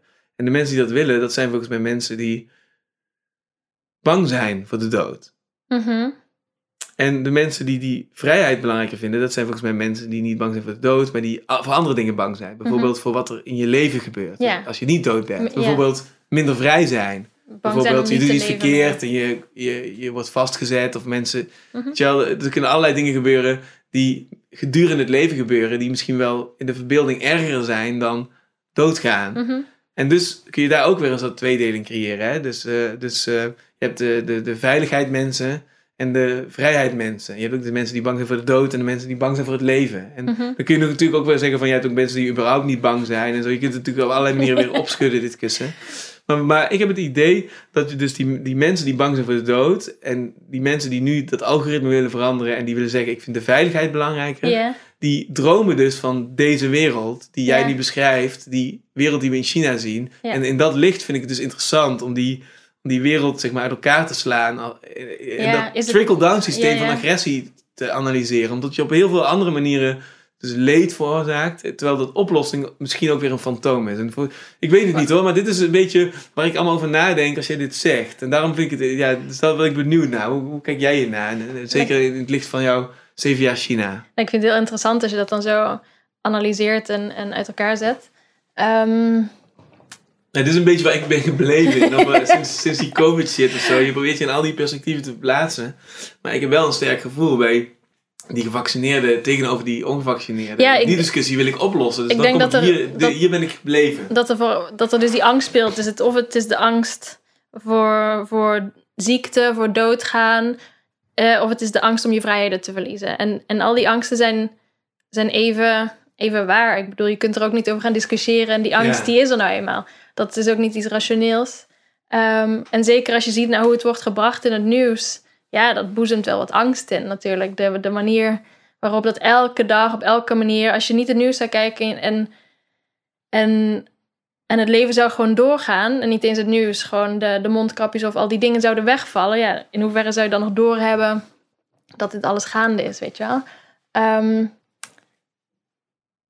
ja, voor mij persoonlijk is, is het leven om te leven. En, en, en dood is net zo goed onderdeel van het leven. En dood is geen probleem. Dat eh, het, het is in veel gevallen wel heel droevig ook. Ja. Maar het hoort er wel gewoon bij. Dus in mijn platgeslagen analyse ben jij dus iemand die niet bang is voor de dood, maar wel problemen heeft met vrijheden in- gedurende het leven. Bijvoorbeeld als je lesgeeft op een school en je moet elke dag voor kinderen staan en je wil die kinderen Engels oprecht Engels, de Engelse taal bijleren, dan heb je een probleem met jouw vrijheid. Ja, Want jouw, jouw dag wordt gewoon ergerniswekkend als je, als je elke dag onzinwerk verricht. En je, Ja. dag wordt betekenisvol als je iets kan bijdragen aan de daadwerkelijke kennis van die kinderen. Precies. En tegelijkertijd eh, is het ook.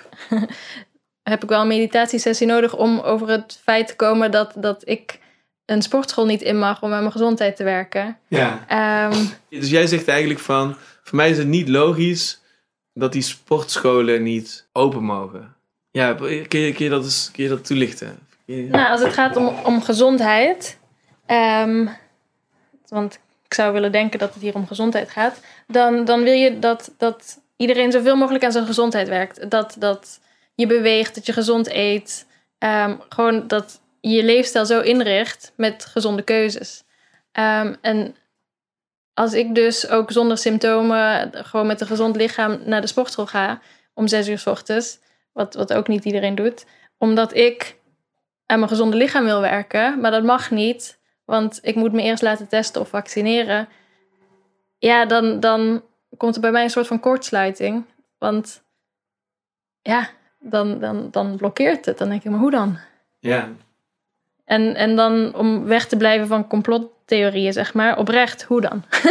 ja, ja dus, dus, dus eigenlijk krijgen we heel veel hints van, van als je naar het beleid kijkt, dat, dat, dat het is niet in lijn met een gezondheidscrisis. Ja. Het is ook geen gezondheidscrisis, hè? want het is gewoon heel sec. Uh, wat voorkomen moet worden, is dat de ziekenhuizen overbelast raken.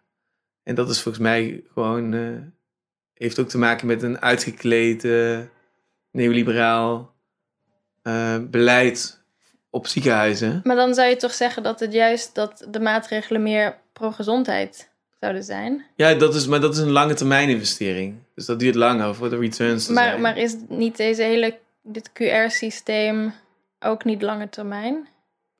Ja, dat weten we niet. Ik bedoel, daar kun je wel over speculeren, maar daar kunnen we niet een uitspraak over doen. Ik geloof oprecht dat, dat, dat, dat, er, dat, er, uh, dat er mensen in de politieke werkelijkheid daarover beslissen die in alle naïviteit verkeren dat het gewoon een tijdelijke maatregel is. En, je zegt hetzelfde, naïviteit.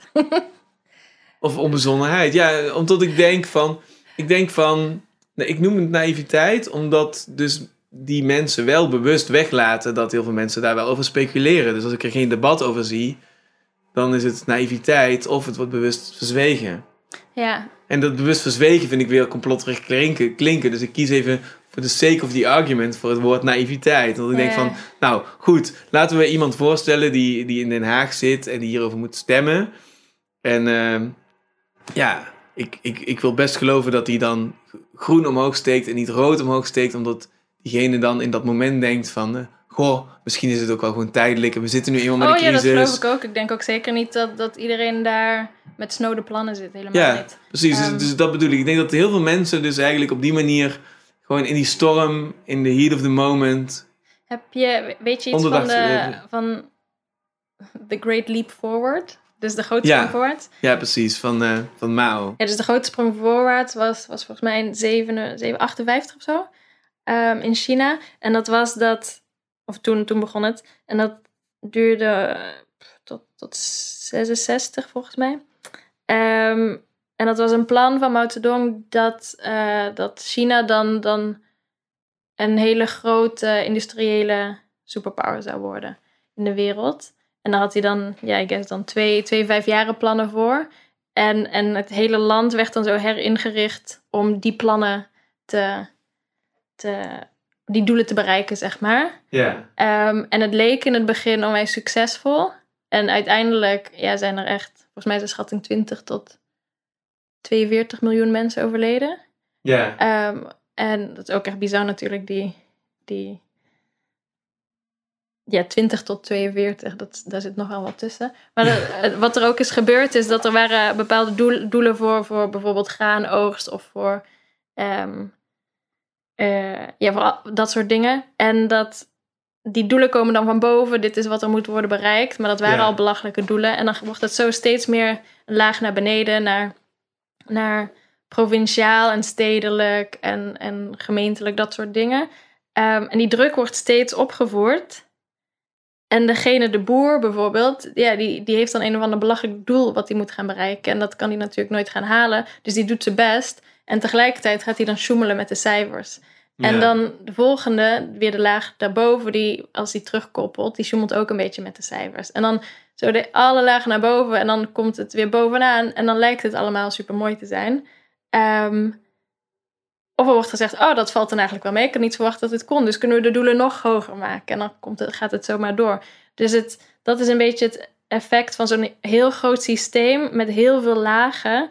Ehm, dat, ja, er zit zoveel tussen, tussen de onderste en de bovenste laag. En het is echt niet dat de onderste laag ook ehm, op de hoogte is van wat die bovenste nou wil. Maar het is echt ehm, orders uitvoeren Ja. en terugkoppelen. Dus, dus als, als we dan kijken naar, naar de politiek, zeg maar, is het ook niet dat ik denk dat iedereen snode plannen heeft. Ehm, maar iedereen doet zijn werk. Ja. Dat, dat probeer ik een beetje te zeggen. Ja, er moest ook, ik herinner me zoiets dat iedereen dan ook ijzererts of zo moest smeden in zijn eigen... Ja, dus, dus ze wilden Tuin of- ijzerproductie, maar er was niet genoeg. Dus, en, en iedereen, dan, dan heb je het voorbeeld heel bizar ook van een wok. Iedereen heeft een wok in China. Dus dan Ja. gingen ze een wok omsmeden en alle utensils.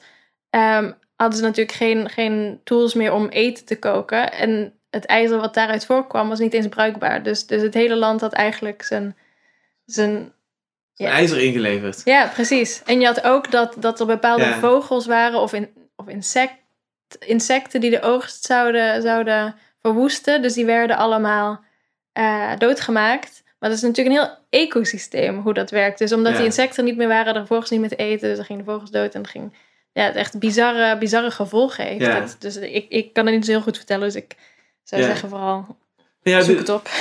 Nee, maar dit, dit is, nee, het is wel heel, het is juist heel helder. Ehm want je zegt eigenlijk van, doordat er top-down één beslissing van bovenaf wordt gegeven, namelijk waarvan de, de- ja, even algoritmisch weer gesteld, de bovenste regel is, eh, binnen twee keer vijf jaar moeten we een grote stap voorwaarts maken. Mhm. En dat wordt dan naar beneden vertaald, naar steeds kleinere doelen tot aan de onderste lagen.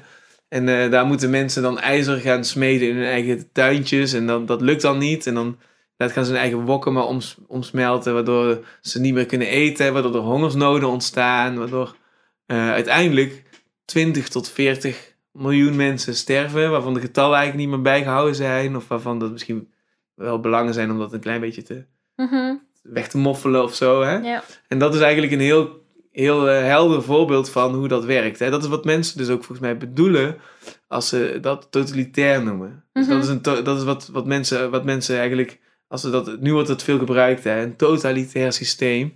Volgens mij is dat ook waarin er vaak generalisaties ontstaan, bijvoorbeeld tussen Nazi-Duitsland en het Rusland van Stalin. Dat wordt ook vaak dan in één adem Mao, Maoïstisch China genoemd. Dus dat, dat is dan wat, waar vaak ehm, generalisaties ontstaan, denk ik. Mhm. Of, of vergelijkingen worden gezocht. Laat, ik het, laat ik het dan zo zeggen. Tussen, omdat dat eigenlijk op allerlei verschillende manieren... ehm, zijn dat dan samenlevingen die, waarvan de overeenkomst wel dat totalitaire is. Dat er één iemand van boven commando's roept naar beneden. En dat er inderdaad ook weer een trickle-down systeem van commands ontstaat. En, en dat er niet de openheid tot een gesprek is. Dat je niet ja, in gesprek mag gaan van is dit wel de juiste weg? Ehm, dat is denk ik daar ook heel kenmerkend aan. ja, Want dat zou heel veel schelen, denk ik. Dat, stel nou dat de, nou, stel nou, de overheid zegt dat er van alles moet gebeuren. Maar het feit dat een deel van de bevolking daar niet mee eens is... of in ieder geval daar kritische vragen over stelt... en dat wordt weggeslagen van nee, dat kan niet... want, want dit is voor de veiligheid... of dit is voor een ander... of dit is voor whatever reden... dat, dat is, vind ik, veel gevaarlijker dan zo'n overheid. Want ik denk dat een overheid, als je kijkt naar de geschiedenis... gaat heel vaak mis met macht.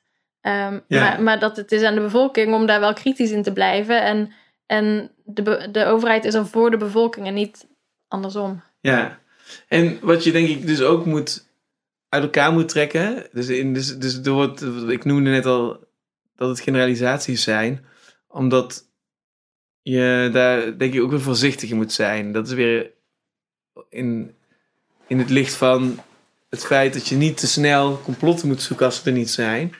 En het China van nu is ook weer heel anders dan het China van Mao. Ik zou zeggen, nu kijkt, kijken veel mensen naar China van nu, maar, maar ik denk op het moment is het nog veel interessanter ook om te kijken naar het China van vroeger. Ja, Ja, qua, ja als je kijkt naar, naar, de, naar de culturele revolutie bijvoorbeeld. Ik weet niet hoeveel je daarvan af weet. Ehm, ik heb geen goede geschiedenisles gegeven hier. Maar dan, ehm, dat was eigenlijk een tien jaar lange periode waarin eh, ja, een poging werd gedaan om het communisme te, te vergroten. En, en was heel erg tegen intellectuelen en alles wat met buitenland te maken had. En alles wat ja, met, met iets met geld te maken had, basically. Maar wat je kreeg, is dat je, je kreeg onwijze NSB-praktijk eigenlijk. Dus dat iedereen, ehm, dat, dat mensen elkaar gingen aanwijzen als die, die heeft banden met, of die overgrootvader had dit, of... En ik kon van, van iedereen kan je natuurlijk wel iets vinden als je, het, als je lang genoeg zoekt en generaties doorwerkt. Ehm, en ik denk dat, dat er zoveel angst heerst in iedereen om uitgepikt te worden, want, want de gevolgen waren echt gigantisch dan voor je. Ehm, dat ze snel iemand anders gaan aanwijzen. En, en ja, je krijgt dat zo elkaar in de gaten houden. En het is de angst om zelf gepakt te worden. En tegelijkertijd ergens ook toch wel dan de, het geloof dat het voor iets goeds is, zeg maar. Dus, dus, en daarin zie ik heel erg dat tegen elkaar uitspelen. Ja. Ehm, en, en gevaccineerden tegen ongevaccineerden. En dat je elkaar niet meer als mens ziet, maar meer als een, ja, iemand die in de weg staat van of jouw vrijheid of jouw veiligheid. Ja. En, en als je met die blik van, van, van, van die culturele revolutie of die, uh, naar die, uh, die wereld van Mao, naar het nu van China kijkt, Mhm. Ehm, ja, dan ben ik eigenlijk wel benieuwd, omdat mensen dat eigenlijk ook vaak in één adem noemen. Dus als, als je dan zegt van, van ehm, ja, dus als, als er vanuit het Westen angst is om, om niet als China te worden, hè, Mhm. dan zou je eigenlijk het Chi- het China van nu moeten bezien en niet wat, wat de verschillen en de overeenkomsten zijn dan. Wat is er van, van overgebleven en wat is er veranderd of vernieuwd? Tussen, tussen 50 jaar geleden of 80 jaar geleden nu. Ja, of wat, wat, is, wat is het recht en wat is het onterecht van die zienswijze? Van die ik denk heel erg terecht. Ehm, het, ik denk, ja, wat, wat je zelf al zei is dat eh, de, er is nu zo'n grote middenklasse, dus er, dus er is genoeg eten, er is meer dan genoeg eten voor de meeste mensen. Ehm, het leven is heel comfortabel. En dat was, was, was vorige eeuw echt niet zo en daarvoorheen ook niet. Ehm, en tegelijkertijd, om, die, om dat comfortabele leven te hebben, is er ook heel veel ingeleverd. En dat is die vrijheid. Ehm, en, en ik, ja, ik weet niet goed hoe je vraag te, te beantwoorden. Ik, ik zie wel dat het daar ook naartoe gaat. Zeg maar, heel erg naar, naar... En dan is het niet per se het China. Maar in het algemeen, als ik kijk, de, de samenleving nu is, is zo op comfort en, en makkelijk, eh, de makkelijke weg. Ehm, en dat, dat is heel fijn. Dat vind ik ook fijn van ergens. Maar tegelijkertijd betekent dat wel dat je gewoon... Ja, in een... eh, dat je oké... dat je... Hoe dit omschrijven?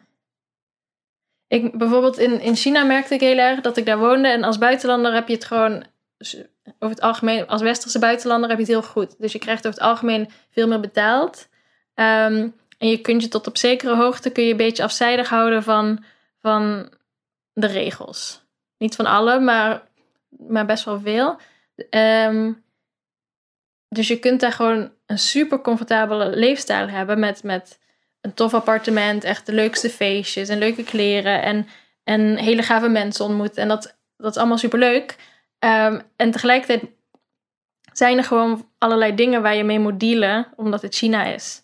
Dus, dus dat er vele controle is. Ehm, dat, dat, ja, dat die veiligheid maar schijnveiligheid is, zeg maar. En, en of als er dan in het nieuws komt dat er, dat er concentratiekampen zijn over Oeigoeren. Niet dat het in het Chinese nieuws komt, maar dat krijg je natuurlijk wel mee. En dan vind je dat wel vervelend, of merkte ik dat. Maar tegelijkertijd kan je het heel erg van je afzetten. Want onbewust zou dat die hele comfortabele leefstijl ehm, in gevaar brengen, zeg maar. Want als je dat echt kritisch gaat bekijken, ja, kan je dan nog wel echt achterstaan alle dingen die je doet, zeg maar. En, en ik denk dat daardoor krijg je dat mensen niet echt dingen echt gaan bevragen, want het leven is toch goed? Er is, ja, er is ook geen, geen Ja. noodzaak tot kritische vragen, want het leven is gewoon, dat is het meer. Het is, Dus het is zo goed. Eigenlijk, je zegt eigenlijk dat, dat, dat die, die status quo is zo ingericht, zoals eigenlijk je ook het begin beschrijft van die culturele revolutie. Hè? Dat eigenlijk iedereen naar iedereen kan wijzen, want je kunt eigenlijk van iedereen wel bewijzen dat hij niet in, pa, in de pas loopt van, een, Mhm. van een systeem. Hè? Dat is eigenlijk, dat, ja, dat, dat hoef je volgens mij helemaal niet eens te onderbouwen. Dat is gewoon, dat weten we allemaal. Ehm, en, ehm, en dat, dat is natuurlijk in die, in die, in die, in die begintijd van de revolutie is, gaat het echt om koppelrollen bij wijze van spreken. Hè? Dan, dan, dat is echt een één grote afrekening en een herschikking, maar dan staat er een, een nieuwe status quo. Mhm. En, ehm, en dat, dat is eigenlijk helemaal tot aan het nu zitten daar nog steeds sedimenten, of hoe noem je dat? Uh, Ja, sporen van zijn daarvan Mhm, terug te vinden. Van, van, van, van die manier van, van in die samenleving staan. Want je kunt eigenlijk helemaal niet eh, inderdaad eh, eh, kritisch uitlaten over iets. Of, of, of Ja, je riskeert meteen je eigen positie of de positie van degene die naast je staan of de mensen die je wil beschermen. Dus iedereen zit ook vast in die hiërarchie eigenlijk. Hè? Ja, en je hebt een, een, een heel groot ding, dat is zelfkritiek. En dat is zeker niet hetzelfde als zelfreflectie. Ja. Ehm, en, en dat was in de culturele revolutie ook heel sterk. Dus dan werd je beschuldigd van iets. En dan, of dat nou waar was of niet, weet je wel. Uiteindelijk mo- moest je daar dan aan toegeven. Ehm, en dan bijvoorbeeld kreeg je een puntmuts op en een, en een bord om je nek met, met de zonde die Ja. je had begaan. En dan werd je zo, zo in de menigte gezet, zeg maar. Ja. Eh, maar dat, dat niet op deze manier, maar het gebeurt nog steeds. Dus bijvoorbeeld de school waarin ik, waar ik les gaf, ja, daar had je allemaal pubers en die pubers hebben, pubers hebben altijd issues. maar in zo'n systeem hebben ze ook zeker issues. En ehm, was er een meisje en zij was heel slim, maar ze, ja, zij kon gewoon niet in dit systeem leven, zeg maar. Dus ze was gewoon ook een beetje vervelend, maar ze deed niks, niks wat ik zou zeggen, geks. Maar dat, in dat systeem paste dat echt niet. En dat wordt dan niet getolereerd. Dat moet gewoon meteen weg. Ehm, dus was ze eerst geschorst en, en allemaal gedoe. En mocht ze wel terugkomen naar school, maar moest ze wel voor, in, voor het auditorium met de hele afdeling, dus het waren vier klassen, moest ze zelfkritiek geven. Dus dan moest ze zeggen alle dingen die ze fout had gedaan en die ze zou verbeteren. En, en ja, dat, dat vind ik nogal wat. Als, Hoe Ja. oud was ze? 15, 16 misschien. Ehm, dus op dat soort... Ja, het, het gaat nog in zoveel kleine manieren, gaat dat gewoon nog door. Ja. ja, precies. En dan kun je zeggen van ja, maar er is een hele andere wereld. Er is een andere. eh, Er staat iemand anders aan het hoofd. En het is veel meer een mix van gekke mengvorm van het kapitalistische systeem met dat. Met die erfenis van dat eh, communistische systeem. Er ontstaat een nieuwe samenleving. Maar goed, er zijn ook voordelen, want binnen enkele tientallen jaren is iedereen naar een soort welvaartstand getrokken. Eh, er is heel veel, eh, een hele grote middenklasse. Dan kun je al die voor, voordelen opsommen en al die verschillen opsommen. Maar ehm, die effecten van, en die sporen zijn allemaal nog zichtbaar. En het is eigenlijk nog steeds datzelfde, ja, wat ik dan net trickle-down systeem noem. Mhm. Dat systeem waarvan je ook zegt van iedereen zit op een positie met iemand boven zich en onder zich. Die positie staat vast. Die staat eigenlijk niet ter discussie, want als je hem ergens bekritiseert, dan, dan riskeer je die positie. Of ik stel me zo voor dat, dat, oh, dat als je niet bang voor jezelf bent, dat je nog altijd bang kan zijn voor je vrouw, je kinderen, je familieleden Mhm. of je vrienden. Misschien wel meer, ja. Ja, dus, dus in die zin zit je eigenlijk vast. En, en, en op die manier kunnen nog steeds die commands van boven komen. En is het nog steeds een top-down systeem. En dat is denk ik ook waarom mensen dat graag willen, willen schetsen als iets wat ze associëren met totalitair. Mhm. Met, eh, met iets wat, wat eigenlijk vastzit en van bovenaf als een command wordt. Ja, en in dit geval misschien ook wel ehm, de, de snelheid en mate waarmee wetten worden veranderd. Denk Ja. ik ook wel. Als dat, dat wetten zijn er om ons te beschermen. En, en nu worden ze, dan staat er, wat stond er vorige week, las ik dan. eh, oh, en de, de wet moet nog wel worden aangepast. Als iets, als iets heel kleins stond in de nieuws, dan denk ik, eh, Ja, eh? Ja, dan krijg ik weer kortsluiting. Het is een soort van begrijpend lezen 2.0 ja, ehm, hoe, alsof dit echt een heel klein dingetje is. Maar het is, de, het is de wet die moet worden aangepast. En die wet is er niet voor niets. Dus kunnen we even kritisch kijken naar of het wel nodig is om deze wet zo aan te passen. Want op het moment dat die is veranderd, ja, dan gaat het wel even duren voordat die weer terug wordt veranderd, zeg maar. En ehm, heel veel mensen hebben het dan over het sociaal kredietsysteem. Dat is Mhm. een heel belangrijk onderwerp waar heel veel mensen nu eh, hun zegje over doen. En ehm, ja, hoe heb jij dat, hoe heb je dat ervaren in China? Of hoe zou jij dat, hoe zou jij dat uitleggen aan een, aan een leek, aan een beginneling? Wat is, het, wat is dat sociaal kredietsysteem? Hoe moeten we dat inschatten? Ehm, nou, eigenlijk als buitenlander viel ik er nog buiten. En, en ehm, begint het altijd zo, zo'n grote verandering wordt nooit, ehm, begint nooit in Beijing. Dus, dus er zijn heel veel miljoenen steden in, in China. Dus ehm, het wordt eerst ergens uitgetest en zo langzaam wordt het zo overgenomen over het hele land. Dus toen ik wegging, wat twee jaar geleden was, toen was het nog niet een heel officieel ding voor de hele samenleving. En tegelijkertijd was het al he- heel erg in gebruik, maar nog niet als buitenlander. Maar basically, je hebt als persoon, als, als inwoner van China, heb je, heb je punten. En aan de hand van je gedrag kan je, die, die, kan je meer punten krijgen of verliezen. Uh, dus het kan al zijn als je dus door, de, door rood uh, loopt, dat, uh, dat er dan punten afgetrokken worden. Um, of dat je een goede daad verricht voor de, voor de community, zeg maar. Dan zou je punten kunnen scoren. Daar komt het een beetje op neer. Um, en omdat er zoveel gezichtsherkenningscamera's zijn, kun, ja, ze, weet, ja. ze weten precies waar iedereen is, zeg maar. Ja. Um, maar dat, en het komt erop neer dat je, dat, dat je dus ook bijvoorbeeld niet meer met de trein kunt. Als je niet genoeg punten hebt. Of dat je bepaalde leningen niet kunt afsluiten. Of eh, dat je wel of niet. Ja, eh, ja, hoe ver gaat dat dan?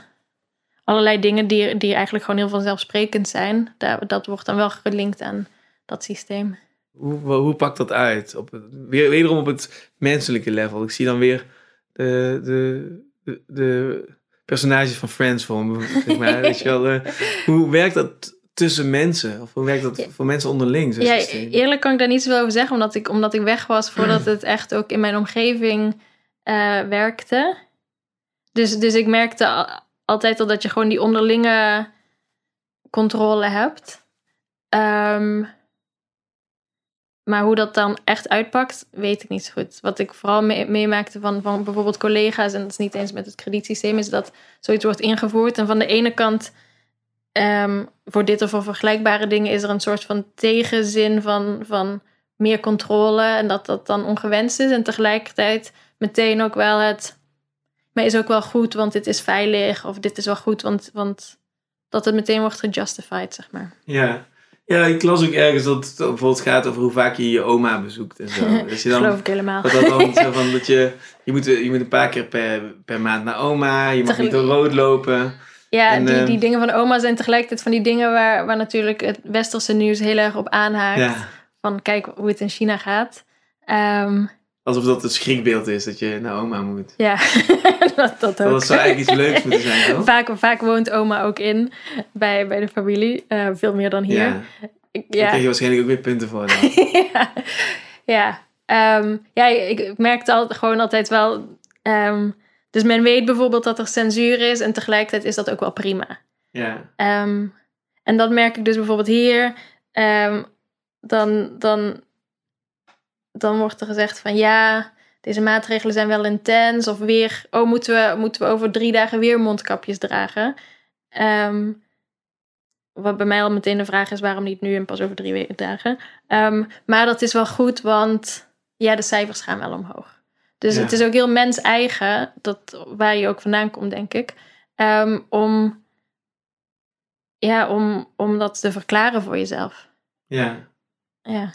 Ja, ik heb ik heb ooit eens een uh, aflevering van Black Mirror gezien, die, die daarover ging. Welke? Um, dat, dat ging over een meisje, dus, dus in die wereld, dus, dus dan is het van suburb, Amerikaanse-achtige wereld. En in die wereld uh, wordt iedereen, ge, krijgt iedereen een soort rating voor alles mhm. wat je doet. Dus je yeah. bestelt een koffie en die, diegene, de hoofdpersoon bestelt een koffie en heeft een stralende glimlach. En zij geeft dan 4,5 sterretje voor die koffie en die andere geeft dan 4,5 ster voor een stralende glimlach. En we zien, in deze wereld geeft iedereen elkaar sterretjes, zoals ook mhm. wij kennen van Uber en al die mhm. smartphone-apps en zo. Hè? En in die wereld kun je ook, um, zoals, je, zoals we dan leren in die aflevering, een betere woning krijgen als je een hogere metascore hebt. Dus je krijgt een soort van, je hebt maximaal vijf sterretjes. En de hoofdpersoon heeft volgens mij 4,2. Ja. En die gaat dan met een metascore consultant praten. Dat is heel grappig bedacht. En die, dat is een hele, hele stralende, glimlachachtige vrouw. En die gaat dat dan uitleggen van, van uh, ja, uh, je, als je daar en daar wil wonen, in jouw droomhuis, dan moet je natuurlijk wel 4,5 hebben, je metascore. Een metascore wil zeggen dus een gemiddelde over allerlei gedrag over een aantal jaren. Hè? Grappig ook wel dat het metascore heet. Ja, ik bedoel, misschien heb ik dat ervan gemaakt. Maar in ieder geval, je ziet dat als een metascore. Ja. Um, en, dus, dus, en dan zit piekeren van, ja shit, hoe moet ik toch die, hoge, die, hoge, die hogere metascore halen? En dan heeft die, die consultant heeft een plan. Ja. Ze zegt van, ja, je hebt hier nog een hele oude vintage vriendschap. Gewoon een echte vriendschap. Niet zo gemaakt dus mm -hmm. in onze wereld, maar gewoon diepe, van vroeger uit, weet je wel? En ze gaat trouwen binnenkort. Als je nou naar haar toe gaat en een speech gaat geven waarin je dat die, die dat echte vriendschappelijke benadrukt op een mooie, warme, empathische manier. Zij heeft superveel van die 4,8 vriendinnen. En die gaan dan allemaal jou hoog raten. en dan, dan ja. krijg je een, een soort metascore boost. En dan, ja, dan komen we wel bij die 4,5 uit. Dat is dan het plan. Dan gaat ook, die aflevering gaat ook over hoe dat plan mislukt. Mhm. En dan zie je eigenlijk eh, volgens mij heel goed wat de nadelen van zo'n systeem zijn. Dat Ja. je eigenlijk in zo'n wereld niet wil leven. Maar er zit ook haar broer in die aflevering, leeft ook niet zo. Die zit gewoon op zijn kamer games te spelen. En daar zie je weer heel mooi aan van, eh, dat je niet hoeft te leven, maar wel als je in dat droomhuis wil wonen. En Ja. daar, daar zit voor mij is het, in, die, in die aflevering zit zoveel informatie als ik over China lagen. nadenk. Ja. Ja. dus daarom ben ik, dus ik denk dat ik op die manier die vraag bedoel. Van, van, omdat het vaak als een ultieme dystopie wordt afgeschilderd. En ik wil dan graag weten van, wat is dan de precieze angst? Of hoe, wat is nou de precieze, precieze voordeel? En hoe pakt dat dan uit? En hoe, eh, dus ik denk, dan, ik denk dan in deze termen erover na. Van, kan, kan ik nog die man zijn die op die bank zit en niet meedoet? Of, of bestaat dat dan niet meer? Of doen we er allemaal aan mee, weet je wel? Kun je nog die uitzondering zijn die wel die, die Engelse les geeft, zoals jij dat hebt gedaan? Of kan dat niet meer? Dat zijn voor mij echt dan de vragen. Ehm, ik denk dat het steeds moeilijker wordt om dan, om dan echt je leven op je eigen manier in te richten. Ehm, maar dat, dat, het is sowieso al moeilijk om tegen de stroom in te zwemmen in, in elke samenleving, denk ik. Ehm, ik denk dat het moeilijk wordt als je, als je. Ik denk dat het onmogelijk is, bijvoorbeeld in China, om, om zonder WeChat. Nou, niet onmogelijk, maar dat het wel echt, echt, echt heel mo- moeilijk is om daar te leven zonder WeChat. Ja. Ehm, dus als je dat accepteert en dat je daar oké mee bent, nou, zeker als je het helemaal prima vindt, dan is het helemaal makkelijk. Maar dat, dat is wel echt nodig. Ehm, en daar vind je dan wel je weg in tot, tot op zekere hoogte je, je vrijheden te pakken. Maar dat ligt dan natuurlijk helemaal aan hoe wild je je eigen leven wil leiden, zeg maar. Heel veel mensen vinden het gewoon prima om, om op te staan en naar werk te gaan en, eh en s'avonds wat met familie te zijn en weer te gaan slapen, zeg maar. Ja. En als dat, als dat is hoe jij je leven wil inrichten, dan, dan doe je ding, zou ik zeggen. En dan is dat veel gemakkelijker. Maar als jij een beetje uitschieters hebt en vrijheden wil en, en je eigen pad wil gaan bewandelen, dan is dat wel echt een stuk moeilijker. Ja, mensen weten vaak ook niet wat vrijheid is. Hè? Als ze het Ja. kwijt zijn, weten ze het heel goed. Maar, Ja. maar vaak zijn ze zich helemaal niet bewust van die vrijheden. Ja. Als je het op die manier bekijkt. Hè? Ja, ze zeggen ook, ik vind het niet erg als, als mensen. Ehm, of, of als de overheid meekijkt wat ik doe, want ik heb niks te verbergen. Ja. Ja, het lijkt makkelijk, denk ik. ja, dat is inderdaad als je niks te verbergen hebt. Maar ja, je kunt heel makkelijk in de situatie komen dat je in de wel iets te verbergen hebt. Ja, en wie bepaalt wat, wat te verbergen is, of wat, Ja. wat toegestaan is of niet, zeg maar. Ja. Dat is heel lastig. En, en, hoe, en tegelijkertijd werkt dat systeem ook, ook wel weer, want zo zijn bijvoorbeeld criminelen kunnen zo heel makkelijk worden opgepakt, weet je wel. Dus het, het geeft ook wel die kant. Ja. Eh, dus omdat je, omdat je die gezichtsherkenning hebt, iemand waar, waar de overheid al jaren naar op zoek is, die wordt er zo in een vol stadium uitgepikt en, en kan dan worden opgepakt. Nu weet ik niet of diegene echt Ja. iets fout had gedaan, maar, maar Ja, ik- het zou zomaar kunnen. Ik, moet, ik moest net tijdens, e- tijdens, tij- tijdens dit gesprek ineens denken aan... Van, eh, ja, dus als je dan denkt van waarom zou je deze wereld willen? Toen moest ik denken aan die, eh, die bekende scène van ehm, Clockwork Orange. Ik weet niet of je die gezien hebt, maar dan op een gegeven moment heeft, ehm, heeft die, die, die hoofdpersoon twee stokjes in zijn ogen. Dus die Ja. kan zijn ogen niet dicht doen. En die Ja. krijgt dan een stroboscoop van alles wat gruwelijk en erg is in de wereld. Snap je? En dat, dat zou je, die, die scène zou je ook als een soort van metafoor, als een metafoor kunnen zien van, van iemand als jij en ik, die al je hele leven Hollywoodfilms kijkt of zo. Je wordt het hele leven geconfronteerd met een stroboscoop van horror, Ja, onheil en allerlei enge dingen en oorlog en onderdrukking en van al, ja, je kunt, je kunt die een hele waslijst maken. Je kunt echt een stroboscoop op iemand loslaten van beelden uit kranten. En dan, dan als, daarna kun je zeggen van, eh, nou, die, van die wereld kun je in één klap af af, zijn. ja. Want, want dan kunnen we nou, en dan is het dat deze wereld. En dat is dat is de wereld voor de, voor de, en dus ik heb het idee dat, dat, dat mensen die dus deze wereld willen, ehm, zo psychologisch een beetje in elkaar zitten. Dat ze dus eigenlijk zich laten intimideren door die stroboscoop. Dat ze Ja. dat denken dat dat de echte wereld is. En dat dat een, iets is wat, wat onvoorspelbaar en grillig is. En ik en denk eng. dat, dat De- dat ook zeker wordt ingespeeld. Want, want wat er op het nieuws komt is ook heel... ja, angstwekkend eigenlijk, weet je wel. Ja. Al die dingen, dat, dat is ook wel wat. Dus als er dan een, een soort van oplossing wordt gecreëerd... van kijk, dit is allemaal heel naar, maar we kunnen het ook samen veranderen... Ja. dan, dan ja, graag eigenlijk. En Als je, als je niet beter weet ook, want in- het klinkt allemaal heel mooi, weet je wel. Ja, en dan, dan zit je dus in die wereld waarin je inderdaad gewoon je baan hebt en je kleine cirkeltjes.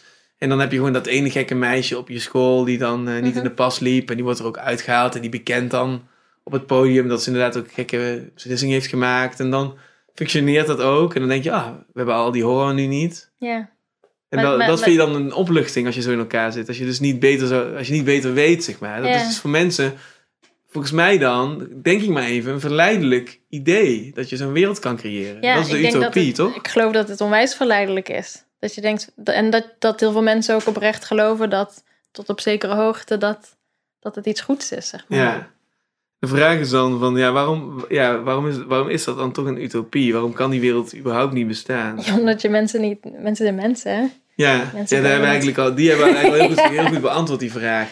Ehm, dus, dus kunnen we nu denk ik dus de brug slaan naar, het, naar, naar jouw blik. Dus dit heb je allemaal meegemaakt en gezien en zelf dan zo ervaren. Ja. En dan kom je terug in Nederland en dan zie je die COVID-discussie losbarsten. En dan ben ik eigenlijk heel benieuwd inderdaad wat je hebt gezien. En ook wat, wat er dan onder zit als je, die, als je met die post eigenlijk, de- eigenlijk als je dat daarmee zo scherp stelt. Van, Mhm. van ja jongens, jullie kunnen wel nu allemaal naar China kijken. En wat wij nu ook hebben gedaan, hè, deze analyse maken. Maar jullie zien dus blijkbaar niet dat we diezelfde dingen ook hier eh, kunnen, kunnen waarnemen en kunnen zien. Mhm. Snap je wat ik bedoel? Ja, Dus ik ja, ik probeer even dat gesprek op te starten. Het begon dus, dus toen, toen het uitbrak in China en dat ik dat. En nee, toen het ook hier uitbrak, dat ik eerst erg pro-lockdown was. En ik was ook erg angstig in het begin.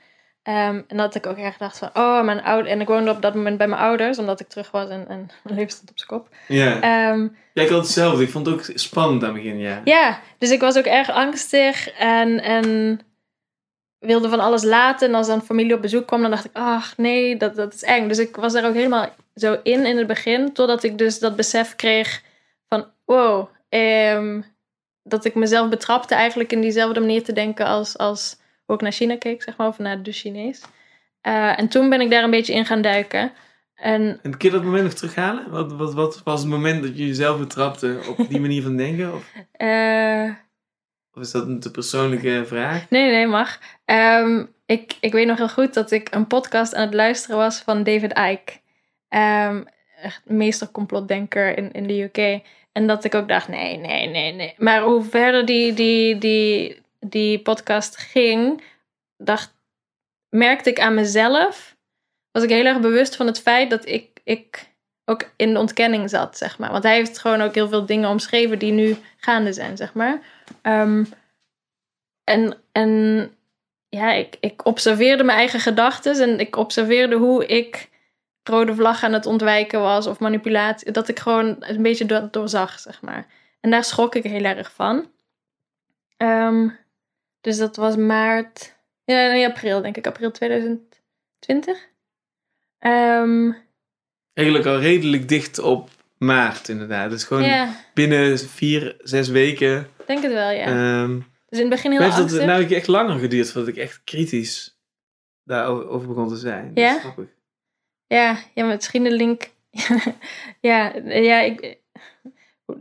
eh, Ik vond vooral heel lang dat de mainstream media, laten we zeggen, dus ik keek best wel veel talkshows en ik las best wel veel krantenartikelen, want ik probeerde ook te achterhalen waar we nou in zaten. Ja. en ik vond de berichtgeving zo slecht. ja, En dus dat viel mij eigenlijk als eerste op. Dus eigenlijk zelfs NOS vond ik heel slecht. Ja. En, en eh, de Volkskrant, ja, de Volkskrant, NRC.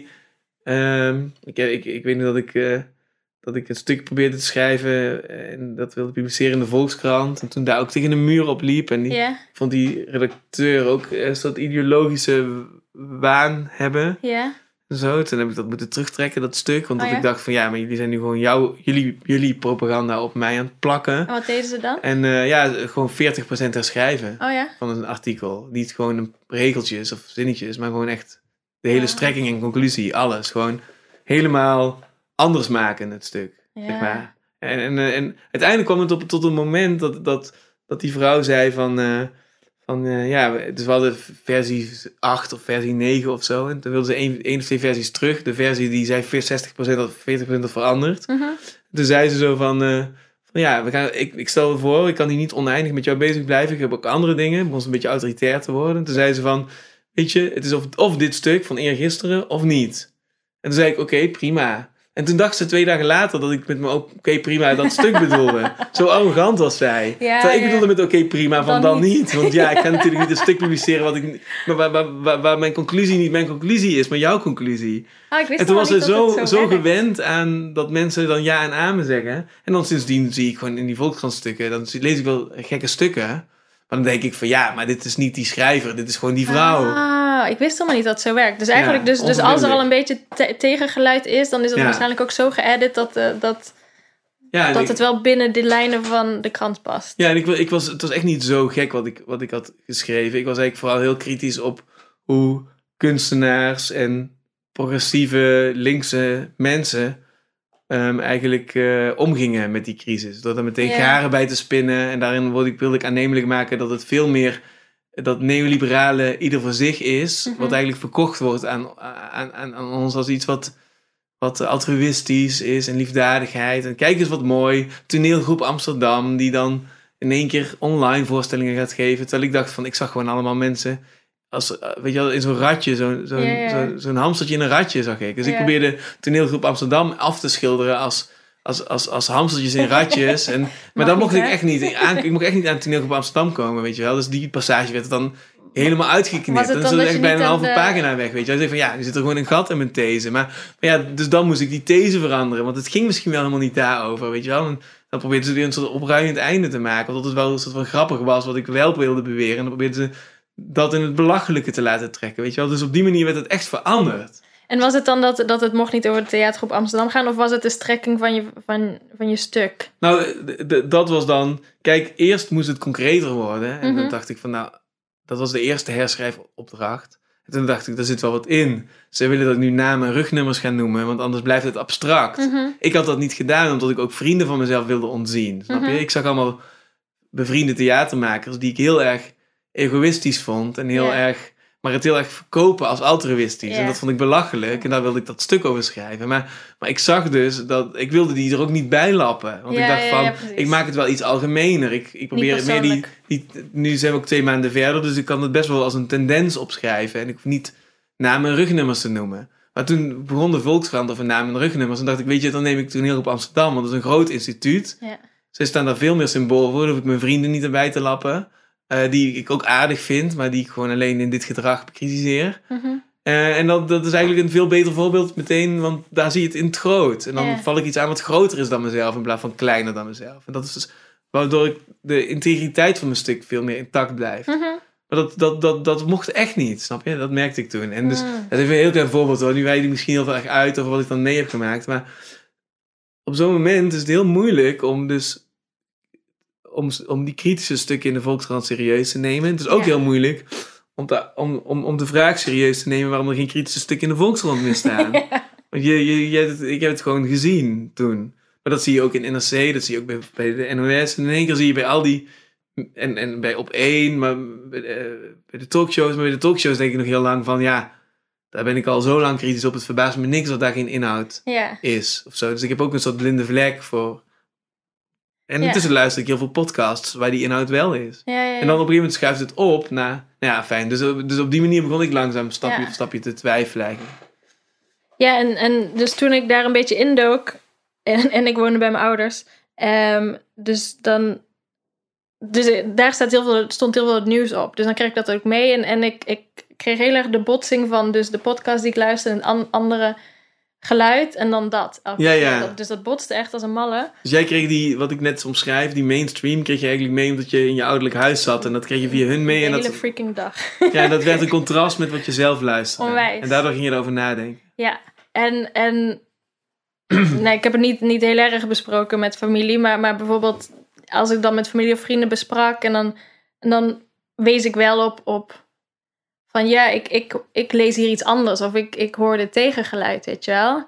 En dat komt niet op, op de NOS of niet in de NRC. En dus dat is dan een soort van ja, hoe komt dat dan? Of dat, is dat dan ge- gecensureerd? Of, en dan ja, was echt een, een, een no-go. Ik mocht het er eigenlijk echt niet over hebben. Want censuur in Nederland of in het Westen, dat, ja, je moet niet zo belachelijk doen, Marten. Was dan wel een beetje het antwoord. Ja. Ehm, was niet eens een gespreksonderwerp. En, en, en of juist, nee, er is wel tegengeluid. Want ik zie, vind juist dat er heel veel tegengeluid is in de NRC. En zoals je het nu ook al omschrijft, ja, dat is ook wel hoe ik dat dan zie, maar nu nog duidelijker beeld. Er is tot op zekere hoogte wordt tegengeluid geaccepteerd, maar heel erg binnen bepaalde lijntjes, zeg maar. Maar er is Ja. natuurlijk nog een heel scala aan tegengeluid, dat echt niet die, die mainstream media haalt. Ehm, ja. en zo was het dus elke keer dat, dat ik dacht, ja, maar hè, hoe kan je nou zeggen dat er in Nederland geen censuur is, zo, zo zonder, zonder onderzoek te doen of zonder er open voor te staan? Dat, dat, ja, dan, dan plaats je mij meteen terug in China, zeg maar, waar ook die censuur is en, en dat dat zo, ja, normaal is. Dus zo, zo was die link voor mij, zeg maar. Ja, ja, dus en toen kreeg je steeds vaker discussies, stel ik me dan voor, die dan, waarbij jij eigenlijk probeerde op, op, iets te wijzen wat voor jou evident was of eenvoudig zichtbaar was. En waarbij andere mensen zeiden van ja, maar dat kun je helemaal niet zo zeggen. Ja, nou, ik, ik, ontwijk heel erg de discussies. Ook omdat ik conflict vermijd, maar ook gewoon... Vaak hebben ze geen zin, denk ik. Ehm, Ja. en... Of in mijn Ik heb hetzelfde hoor, ik ben ook heel conflictvermijdend, dus ik weet dat je... Ja, Lijkt misschien wel niet, maar ik ben eigenlijk heel erg conflictvermijdend. ja. ja, dus dat... En zeker dit onderwerp is natuurlijk super oef, ehm, heftig. Maar ja, dus eigenlijk al, al die parallellen. Dus, dus als iets... Dus het, ja, censuur is niet in Nederland, was dan het antwoord. En als, als al iets, als ik dan zei, ja, maar deze website mag je niet op, of die is, van, die is offline gehaald. En dan werd er gezegd, ja, maar dat, eh, dat is ook nepnieuws. Werd er al meteen gezegd, zonder, zonder te lezen wat er dan stond. Of ja, dat, dat is goed, want ehm, ja, dat is dus tegengeluid. Of dat, eh, dat onderbouwt niet de grote verhaallijn van dit Ja. alles. En dan luister ik daarna en dan denk ik, ja, hoor je nu, hoor je nu wat je zegt? Maar dan horen ze niet wat ze zeggen, denk ik. Ja. of in ieder geval, ze, ja. Maar wat hoor jij dan? Kun je het eens expliciet maken? Ja, alarmbellen. Ehm, ja, ehm, wat ik hoor is ehm, iemand die zichzelf heel erg voor de gek houdt. Die, die, die een illusie in stand houdt. Ik denk dat er een hele grote, groot vertrouwen in de overheid is. Ook omdat, omdat het op een hele gekke manier een soort van vader is. Een dynamiek die voor je zorgt. Eh, dus je betaalt je belasting en je, en je voldoet je plichten aan de overheid en de overheid zorgt voor jou. Ehm, dus, dus het is heel moeilijk, denk ik, of zo was het voor mij ook heel moeilijk toen, toen ik dit ging beseffen, dat die overheid heeft niet altijd het beste met je voor. En die doet lekker waar die zelf zin in hebben, heeft. En, en tot op zekere hoogte maken ze het wel comfortabel voor de burger, maar ook zodat de burger niet in opstand komt. En dit is niet dat iedereen in de politiek zit die dat dit zo denkt hoor. Maar ik denk in het grote plaatje. Ehm, dus als jij gaat twijfelen aan de motieven van de overheid of van, van het beleid, dan moet je zo erg eh, onder ogen komen. Ja, je angsten onder ogen komen, zeg maar. En, en waarin je denkt hoe de wereld in elkaar zit. Dat is zo moeilijk voor mensen. Dat is dan maar makkelijker om je daarvoor af te sluiten en dus voor jezelf dat te gaan goed praten. ehm, dan dat echt aan te kijken. Ja. Als een soort van abusive relatie, zeg maar. Ja. Dat je denkt, ja, dat, dat, dat kost zoveel energie en, en kracht om dat aan te gaan zien dat je daar middenin zit. Dat het makkelijker is, onbewust, want het gaat echt niet bewust, eh, om dat echt aan te kijken. Ja. Ja, je had in je post heel veel, heel, een, hele opsomming eigenlijk van allerlei, Mhm. van allerlei zaken, van allerlei waarnemingen. En ik heb Mhm. eigenlijk de neiging... Ja, ik wil hem er niet bij pakken omdat ik mijn Ik telefoon niet aan wil zetten. Maar kunnen we, eens, Eh, kijk, kunnen we eens even kijken of we daar of we dus nog wat, kun je nog wat terughalen van, Ja, van die dus het was- observaties? Het was, als ik zeg dat als er censuur is, dat is niet in Nederland. Misschien in China, maar niet in Nederland.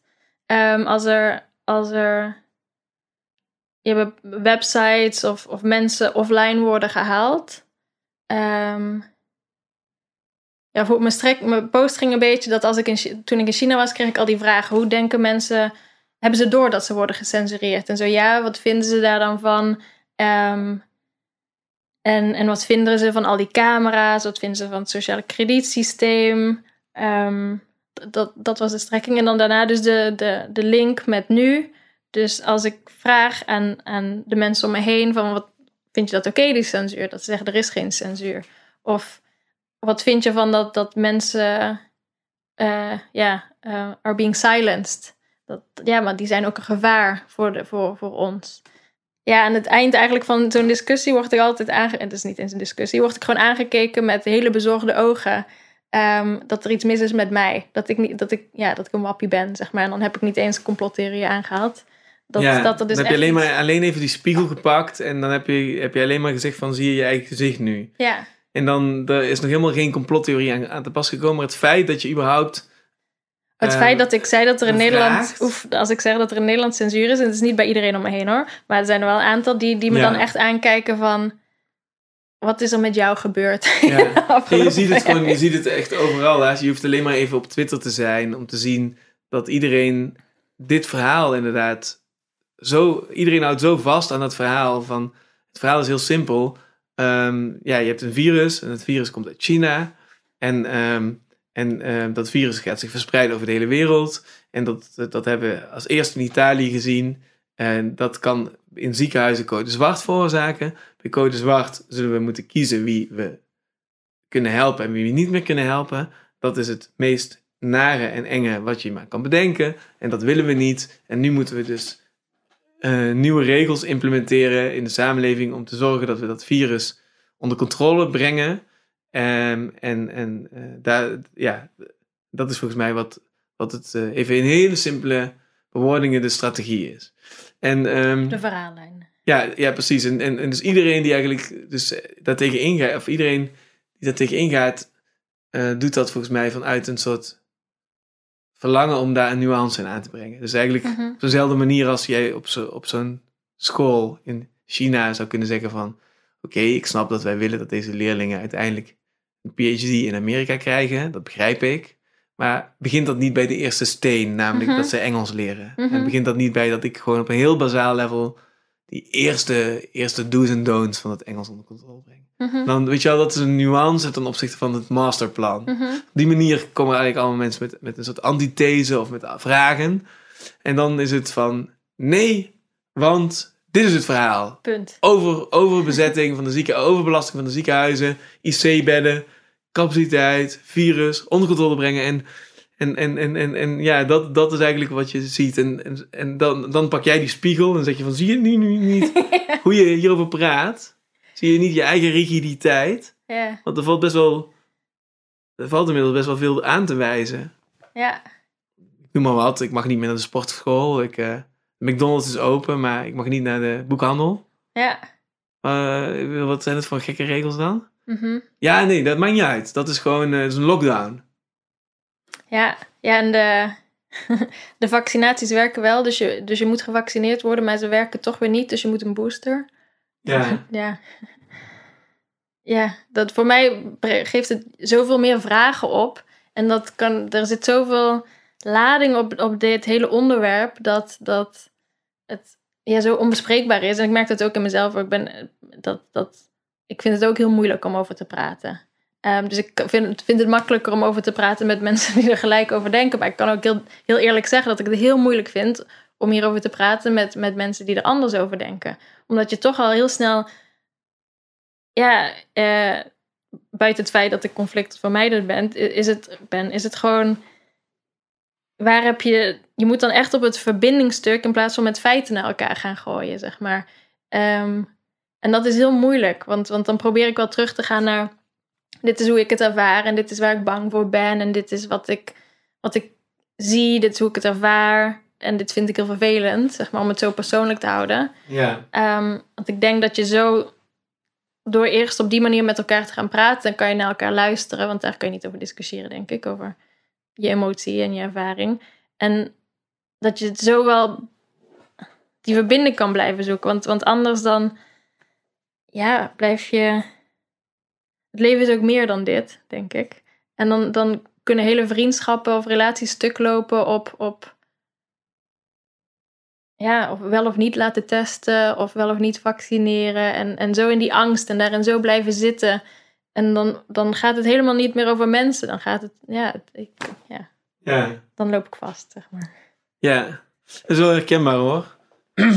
ik heb het ook. Ik heb dan eh, twee keer in, de, in deze podcast ehm, hier, hier aan ge- ge- gerelateerde onderwerpen besproken. Ja, Dat levert dan het meeste discussies op. Ja, ik dat vind ik ook het moeilijkst. dat vind ik ook. Ben je, vind je vind je- heb je ook gepiekerd om, eh, om dan eh, om hierover te praten? Nee, ik wist dat als ik met jou zou gaan praten, dat het heel, dat, dat je, jij brengt het altijd heel genuanceerd. Dus, dus daar vertrouw ik op. Ehm, en, maar ik merkte dat dus toen ik die post had geschreven, en dat ging toen, toen semi-viral.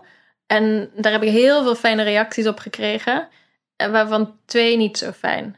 Eh, en dat waren ook van mensen die ik ken. En, en dat, ja, dat, dan kan ik nachtenlang wakker liggen. En dat is heel grappig ook hoe het gaat. Dat- dan moet ik ook mijn eigen dat, daar zit van alles in mij waar ik aan, aan- dat ik aan kan kijken. Ehm, en hoe, ja, hoe typisch dat is, zeg maar. En dan is de vraag... Want het is niet dat ze het niet met me eens zijn dat ik dat moeilijk vind. Maar dan is het ook de manier van communiceren dat, dat ik dan lastig vind. Ja. Ehm, want het is zeker niet dat iedereen deze podcast luistert en dan moet denken: ja, wat Marten zegt klopt helemaal, helemaal niet. Maar het is de, de manier ook om hoe je dan zo'n gesprek aangaat. En of dat echt een gesprek is, of dat dat. ehm, ja, of dat je gewoon heel veel shit over je heen krijgt. En daarom moet ik ook dat ik kan leren dat als iemand een gesprek aangaat, dat dat prima is. Maar als iemand gewoon zijn eigen shit op mij afvuurt, dan kan ik ook zeggen: nee, hier heb ik geen behoefte aan. En heb je het gevoel dat we nu er op een genuanceerd level over praten? Of heb je het gevoel dat we nog steeds aan die, aan die opruiende kant zitten? Van? Eh, nee, ik denk qua COVID dat het heel erg genuanceerd is. Maar ik, ik, ik ben wel wat dingen over China aan het spuwen. en ik weet niet hoe, eh, hoe daarop gereageerd gaat worden. Ehm, maar dat zullen we zien. ja, op jou, op- voor, voor de Op mensen die, ervaring, die, ja. die je kent uit, uit, uit China of die je uit die tijd kent. Ehm, ja, ik heb natuurlijk hier Chinees gestudeerd. Ehm, en, en, en ook, dus ook vrienden die, waarmee ik heb gestudeerd. Of die in China zijn geweest. Maar de meeste mensen die ik ken in China, die spreken geen Nederlands.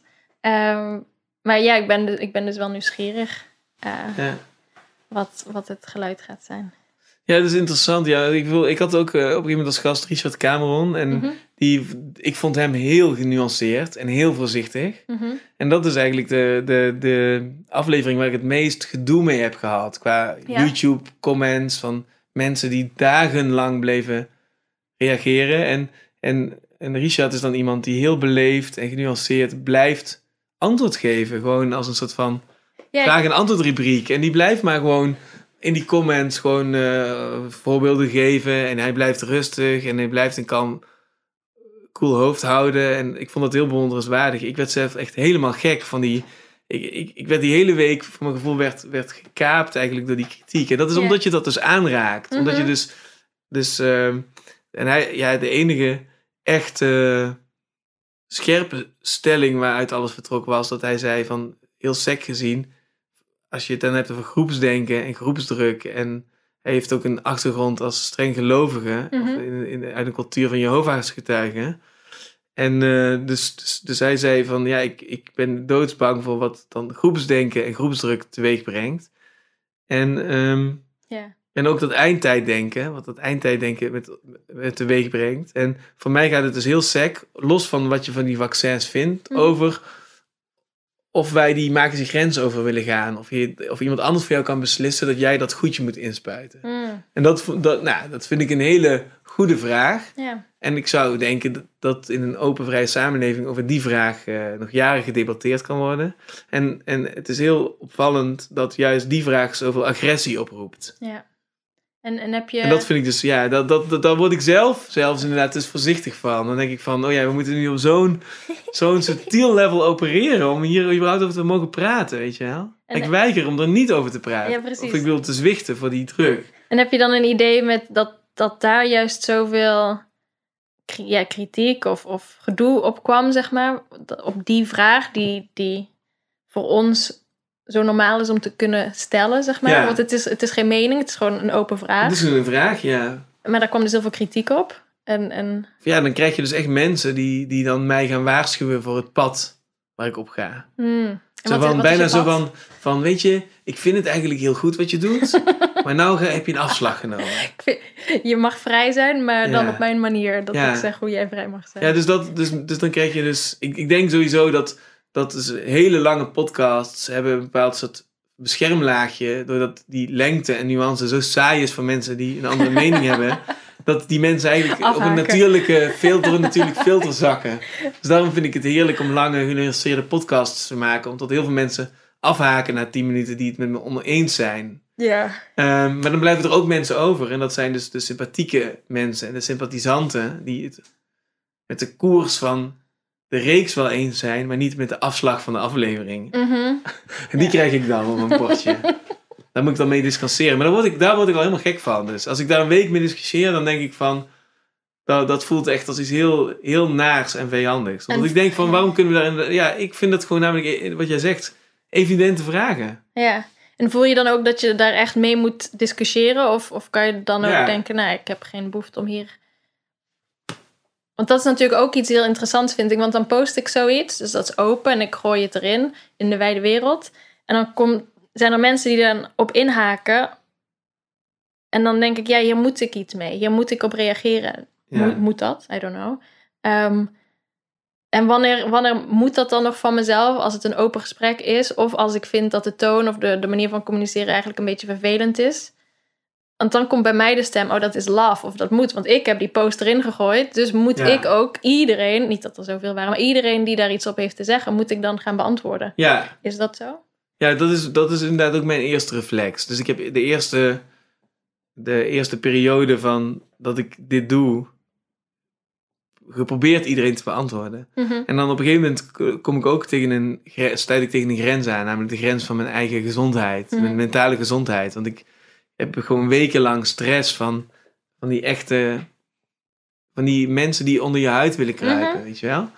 En dan, ik, ik heb nu wel inmiddels wel eh, begrepen wat er gebeurt en hoe ik dat. Dus ik, eh, die hebt ook een, ik ben even de naam vergeten, maar een heel interessant nieuw Instagram-account van iemand die daar dus heel veel over post. En die Ja. zegt van je hebt ook recht op, op grenzen online. Je mag ja, ja. online je grenzen stellen. Ja. Dat vind ik een hele goede, goede manier. Dus ik koppel het nu aan passieve agressie. Dus mijn Mhm. filter is nu passieve agressie. Dus wat ik net over Ross zeg, als ik zeg maar iemand dat gedrag zie vertonen, wat ik ook Ross zie vertonen. Dan denk je, Dus ik, dan, dat, dan herken ik dat. Ja. En dan zeg ik van oké, dit is passief-agressief. Dus hier ga ik niet intrappen. ja. Dit is En- een val. En, wat- die val, ik stap niet in jouw val. En, Ik wil dat je, je mag agressief zijn. Dus je mag gewoon rauwe agressie tonen. Want dat vind ik eerlijker. ja. Dan ben je gewoon boos. Mhm. Dan kan ik gewoon zorgen dat ik een antwoord geef. En dan word je rustig van het antwoord. Of je wordt nog bozer. Daar kunnen we uitkomen. Maar passieve agressie, Mhm. dat zie ik als een, als een val. Als Mhm. een truc. Ja, ja, ja. Dus zo probeer ik dat nu te filteren. En dan, dan neem ik dat mantra van...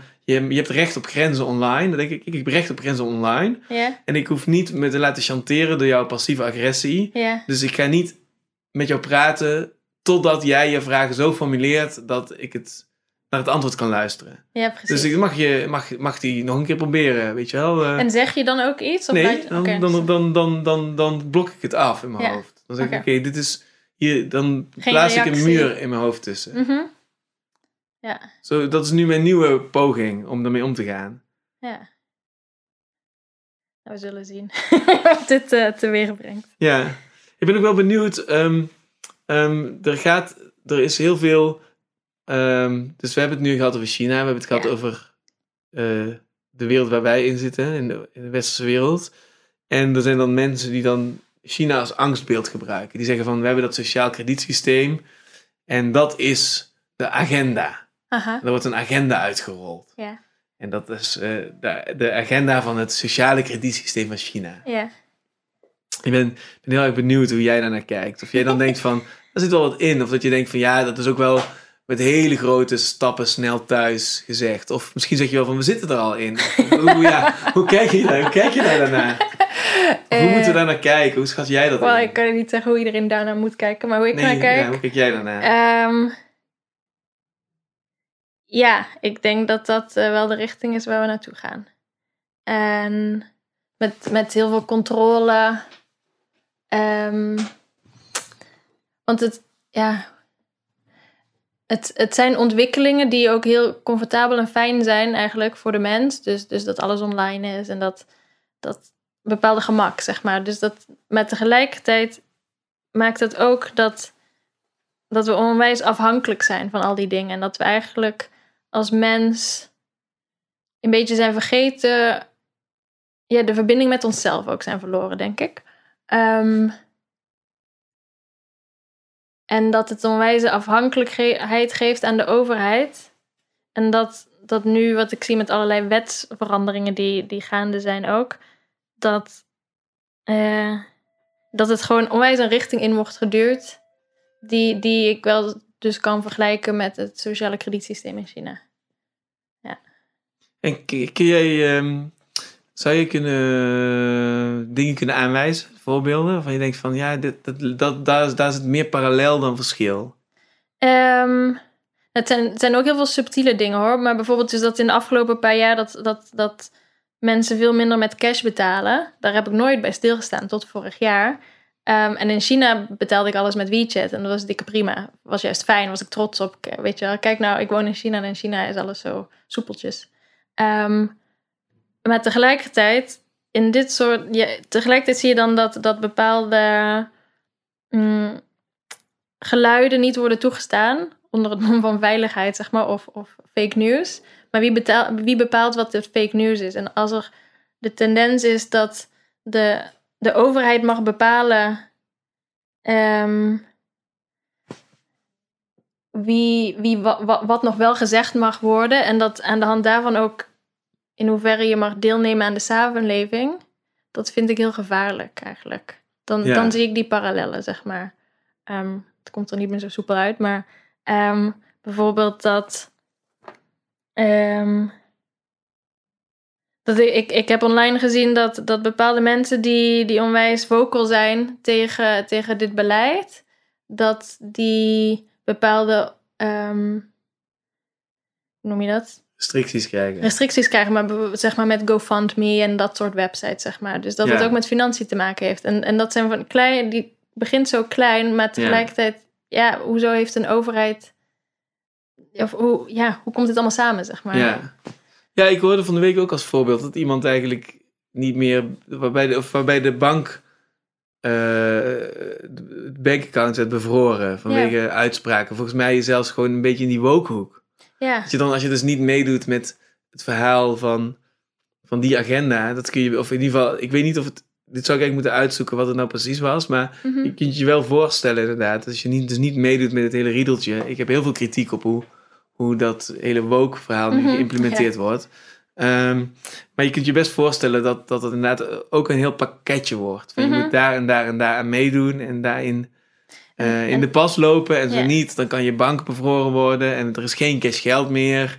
Ja. Um, ja, en tegelijkertijd kun je ook denken van nou, eh, in onze wereld zien we dat uh, bitcoin opkomt of zo. En dus iedereen heeft gewoon een, daar zijn een andere account. Maar er zijn nog zoveel mensen die geen bitcoin hebben. Ja, maar ik bedoel, ik zie wel, ik zie, dus ik zie ook nog altijd wel, in China wordt dat dan verboden of een beetje aan banden gelegd, heb ik het idee. Maar ik zie dan dat bij ons wel als een, als een complementair uh, monetair systeem. Nou, toen, toen ik net dus kwam, in de keuken hadden we het er kort over, dat, dat ik dus net met een vriendin had gebeld in China en zij legde dus uit dat, dat van alle buitenlanders gisteren in, in China, of in, nou in dit geval weet ik zeker Beijing, maar volgens mij heel China. Dat, um, dus hoe het werkt, je hebt uh, je WeChat is gelinkt aan je paspoort en dan kun je ook je WeChat linken aan je bankrekening. Um, maar al het geld staat in je WeChat. Dus dat staat in de app, zeg maar. Dat staat dan of op je bankrekening of in WeChat. Um, dus, dus, dus zoals jij zei, zoals PayPal, zeg maar. Ja. Um, dus het kan zijn dat je jarenlang niks op je bankrekening hebt, maar wel alles in WeChat. En zo kun je dingen betalen in de winkel, online bestellen, maar ook aan elkaar geld sturen.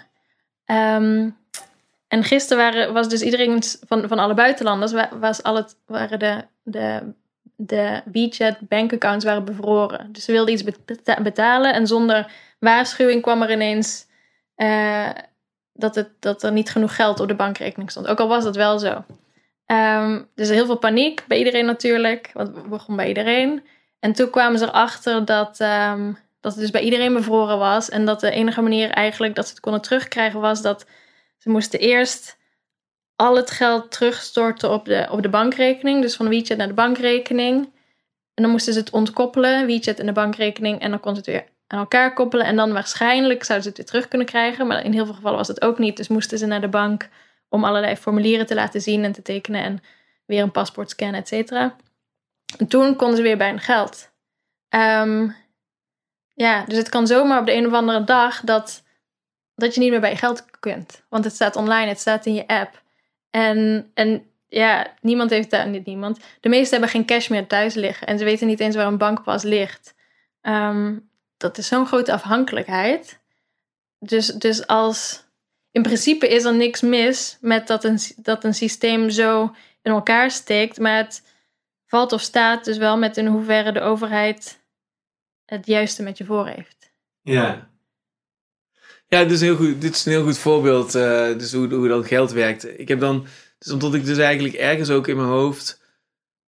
Ik denk dat ik gek word als ik zou accepteren dat dit is, de wereld is waar we heen gaan. Ja. Dus ik probeer dan altijd mezelf gerust te stellen met tegenvoorbeelden. Dus dan denk Ja. ik in dit geval aan de bitcoin. Ja, En eh, ik heb ook een, eh, een, eh, een beetje geïnvesteerd destijds in, in bitcoin en ethereum. Dus, dus, dus dan denk ik van oké, er zal in een vrije open wereld zullen er wel wegen blijven. mhm. Waarbij je dan, dat er dan, ja, net als dat je ook die mainstream media kanalen hebt, maar je hebt ook die podcastwereld Mhm. of zo. Dat zijn werelden die naast elkaar bestaan en Ja. je kunt niet, wij kunnen dit niet in op één zeggen, dat mag absoluut niet. Maar we kunnen het wel in een podcast zetten en, en je kunt ehm, op een willekeurige plek in Nederland een computer openen en luisteren wat je wil. Dat, is Mhm. allemaal nog niet, dat is allemaal niet aan banden gelegd. Ja. Zo, dus dat, dat zijn dan. eh, maar tegelijkertijd merk je wel inderdaad dus dat er een potentieel gevaar schuilt in die benadering. Ja, een heel goed voorbeeld. Je hebt het al een paar keer gezegd van dat mensen dan zeggen: ja, ja oké, er is wel censuur, maar in dit geval is het juist goed, want Mhm. het gaat in tegen het narratief, hè? Dus, dat, eh, wat, dus als je dan bijvoorbeeld kijkt naar de, dat eh, Donald Trump geen Twitter meer heeft, dat vind ik dan een heel goed voorbeeld, hè? Dat is dan echt censuur, maar daarvan wordt toch over het algemeen niet gezegd van, eh, van wat, wat, wat er wordt niet tegen geprotesteerd. Ja, of, of het wordt natuurlijk zo ook, ook gebracht door de media heel erg. ehm, van de, want die, die gekke Trump, die, die moet ook aan banden worden gelegd. Want als je hem niet Ja. aan banden legt, dan, eh, dan gaat hij nog meer gekke dingen zeggen.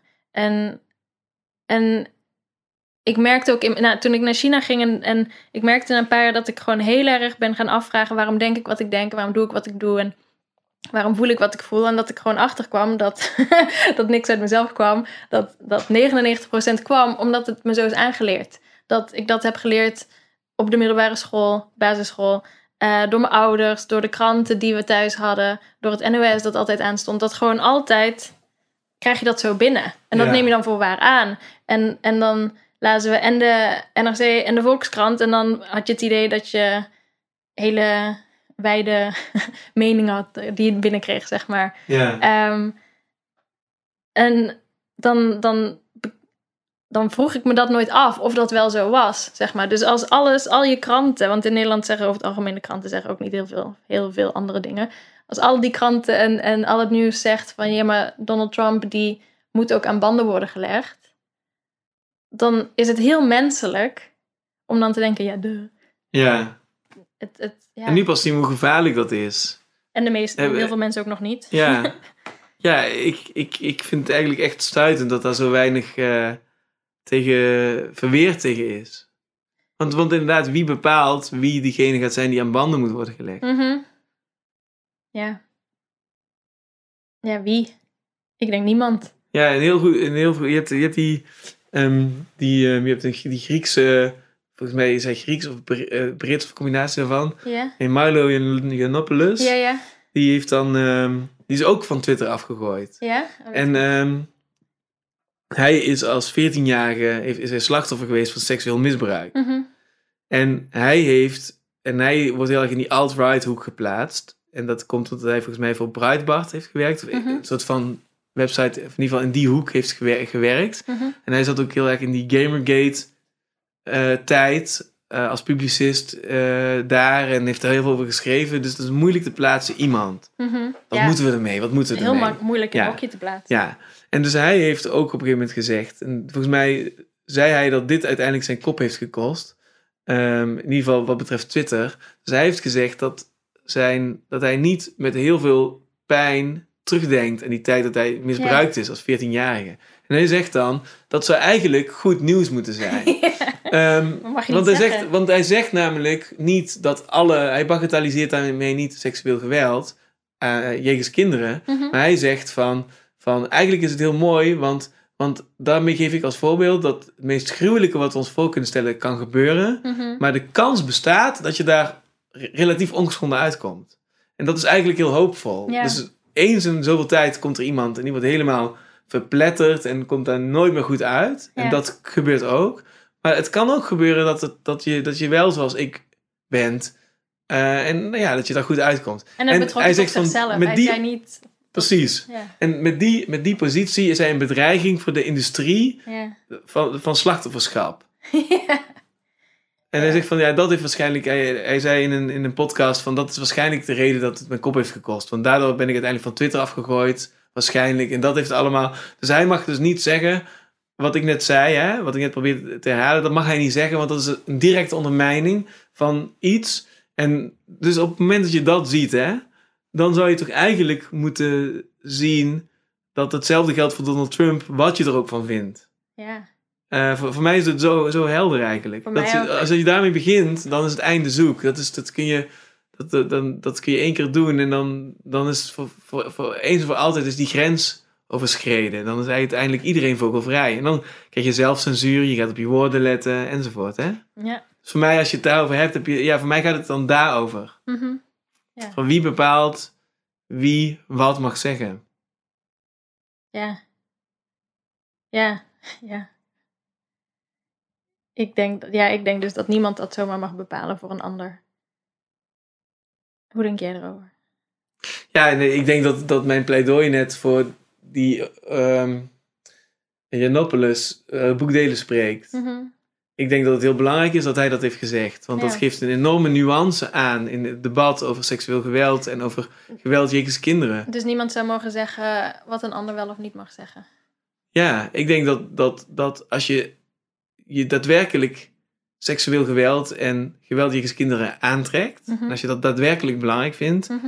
dan zul je meteen begrijpen hoe belangrijk het is dat, dat deze persoon dit heeft gezegd. Mhm. Dan begrijp je meteen hoe belangrijk dat is. Want dat geeft zo ontzettend veel adem aan mensen die echt pijn hebben. Ja, maar heel vaak gaan die discussies zijn gewoon projecties van, van de shit die mensen niet in zichzelf willen aankijken. Ja, precies. Ja, ja, we zitten hier er- heel erg op één lijn. Dus Ja. je geen discussie. ja. Ja, het is wel, wel interessant. Denk je, denk je dat we. Dat we ehm, dus jij denkt dat, dat, dat het een reële kans is dat we die kant op gaan, wat we in China het sociaal kredietsysteem Mhm. noemen. Dat, dat, dat, dat, dat het reëel is om aan te nemen dat we dus nu ook met in de huidige crisis, dat er allerlei dingen zo snel veranderen, dat, dat, ja, dat de kans bestaat dat we die kant op gaan. Ja, maar dan wordt er natuurlijk anders genoemd en andere, ja, andere randvoorwaarden, zeg maar. Mhm. Maar ik denk dat het in principe hetzelfde zou zijn als je het eigenlijk met elkaar vergelijkt. En dat het heel erg onder. eh, ja, omdat je, ik weet er, ik heb, daar ben ik niet heel diep ingedoken, maar je hebt natuurlijk met het hele CO2-verhaal en, en dat dat weer wordt gekoppeld aan een, aan een soort puntensysteem. En, Ja. en, en zo zie ik dat wel. Dus dat het heel erg voor.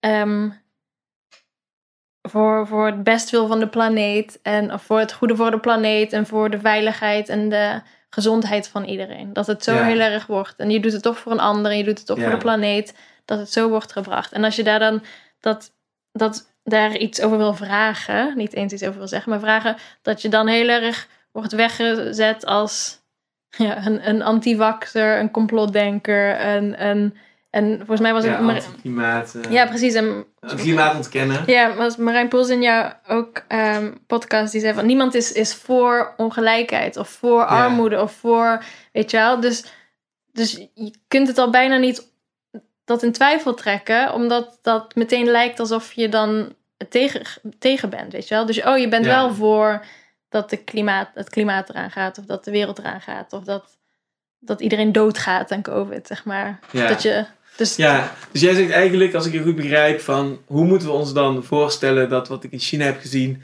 uitwerking zou kunnen krijgen in onze wereld? Dan zou je kunnen kijken naar hoe we over klimaat praten of over gezondheid praten. ja, En dat zijn hele ingewikkelde debatten en dat zijn hele ingewikkelde dossiers. En daar zie je eigenlijk diezelfde versimpeling. En dan inderdaad, als het gekoppeld wordt aan dat je een uitstoottax krijgt. Mhm. ehm, ja, ik, ik stel me mezelf bijvoorbeeld voor hoe je dan een soort van application moet schrijven om nog naar New York te mogen vliegen bijvoorbeeld. En dat dan stel ik me voor dat iemand die bij de correspondent werkt, eh, die dan zo een mooie, die eigenlijk helemaal ook in de hypnose trapt, hè? Maar die mag dan wel, zeg maar, dan zie ik Rutger Bregman zijn application schrijven, die mag dan naar New York vliegen om een mooi stuk te schrijven over hoe alle mensen deugen in het puntensysteem. ja. En ik mag er dan niet heen omdat ik dan op deze manier daarin sta of Ja, zo. En dan, zo. Dat is mijn nachtmerrie van, van de wereld van, ja, van over tien jaar of zo, snap je? Dat we dan eigenlijk niet meer mogen vliegen. Want, en dan zeggen mensen op dezelfde manier als ze dat tegen jou zeggen van ja, maar het is toch goed? ja, Dan vliegen minder. Precies. Want, want, het want het klimaat, hè, ja, dat kan zo niet doorgaan. Ik kan zo niet doorgaan. Dat is voor onze kinderen. Voor onze toekomst. Want moeten echt dingen veranderen. Ja. En dan heb je die hele generatie gehersenspoeld. En al die kinderen die zijn helemaal... En dan Allemaal kleine Greta. Thunbergs Laat, laat dat duidelijk zijn. Dan moeten Ja. dingen veranderen. Maar, maar ik denk niet zo op deze manier. Ja. Ja, dat is interessant, ja. Ik had, ik had, eergisteren kwam hier iemand op bezoek. Die kwam, die kwam voor de verandering mij interviewen. Ja, Maar die heeft gelukkig ook heel veel over zichzelf verteld. dat is, dat is, staat, nog, jij. staat nog niet, ja inderdaad, dat staat, staat nog niet online. Maar die vertelde mij dat zij in Amsterdam was opgegroeid. ja, En ehm, dat zij eigenlijk heel erg die deugddruk voelde. ja. En dat ze eigenlijk dus ook heel eenzaam is geweest. Altijd. Haar hele leven in Amsterdam. Dat, nou ja, dat, dat, daar werkt ze helemaal uit. Dat is hopelijk binnenkort te, te horen. Mhm. Maar toen had ik eigenlijk als inzicht dat dat ook een sociaal kredietsysteem is. Ja, van cultureel kapitaal en van sociaal kapitaal. En Ja. toen dacht ik van we leven al in een sociaal kredietsysteem. Maar zon- zonder officiële punten. Maar iedereen houdt elkaar een beetje in de gaten. Ook wel. Of hoe, hoe bedoel jij? Ja, dat als iedereen, iedereen in de gaten houdt. Ik denk van ja, ja, je kunt wel allemaal naar China wijzen. Maar we zitten al in een sociaal kredietsysteem. maar gewoon een ander, met andere bullet points en andere doelen en andere targets. Ja, want als ik dan terug was in Nederland. En dat was dan één of twee keer per jaar. En dan ging ik, ging ik zo bij, bij nog oude vrienden langs. Ehm, en in China, op, zeker op dat moment, was, was bijvoorbeeld afvalscheiden. Dat is echt... niemand doet dat.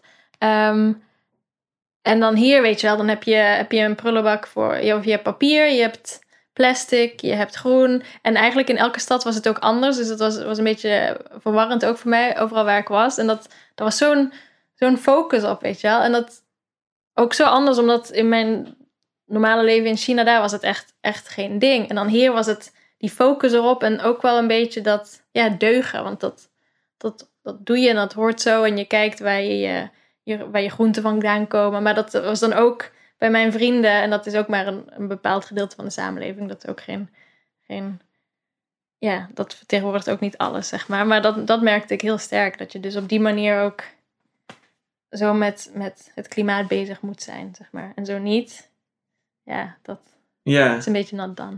ja, dus we zitten er eigenlijk al in. Maar er zijn gewoon andere, andere regels. Ja. Ja.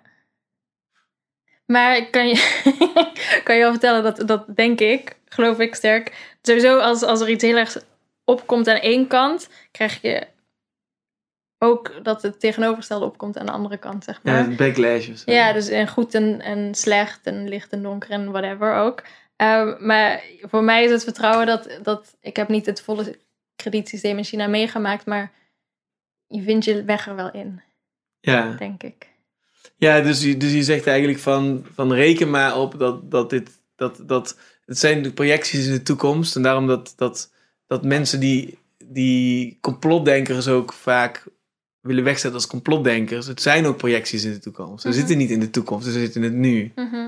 En hoe hou je je hoofd cool? Nou, jij zegt eigenlijk van ja, ehm, als het ene opkomt, dan komt er ook altijd het andere op. Mhm. En eh, ja, dat zie je, ja, dat zie je bijvoorbeeld als, als dat zag je bij Hillary Clinton, hè, die heel erg in die, eh, in die ehm, identity politics kant zo ontzettend overdreef dat je uiteindelijk Trump kreeg ja, die ja. haar kon verslaan. Precies. En als je zelf net al zegt van eigenlijk zitten we op zekere hoogte al in, nou, je doet het best goed. Dus dan, dan je vindt je weg er wel in. Maar het is heel eng om van waar je nu zit en dan een, te bedenken, oh, over tien jaar is het dit. En dan zoals dat het heel anders is zoals je leven nu is. En een grote kans dat het ook zo is.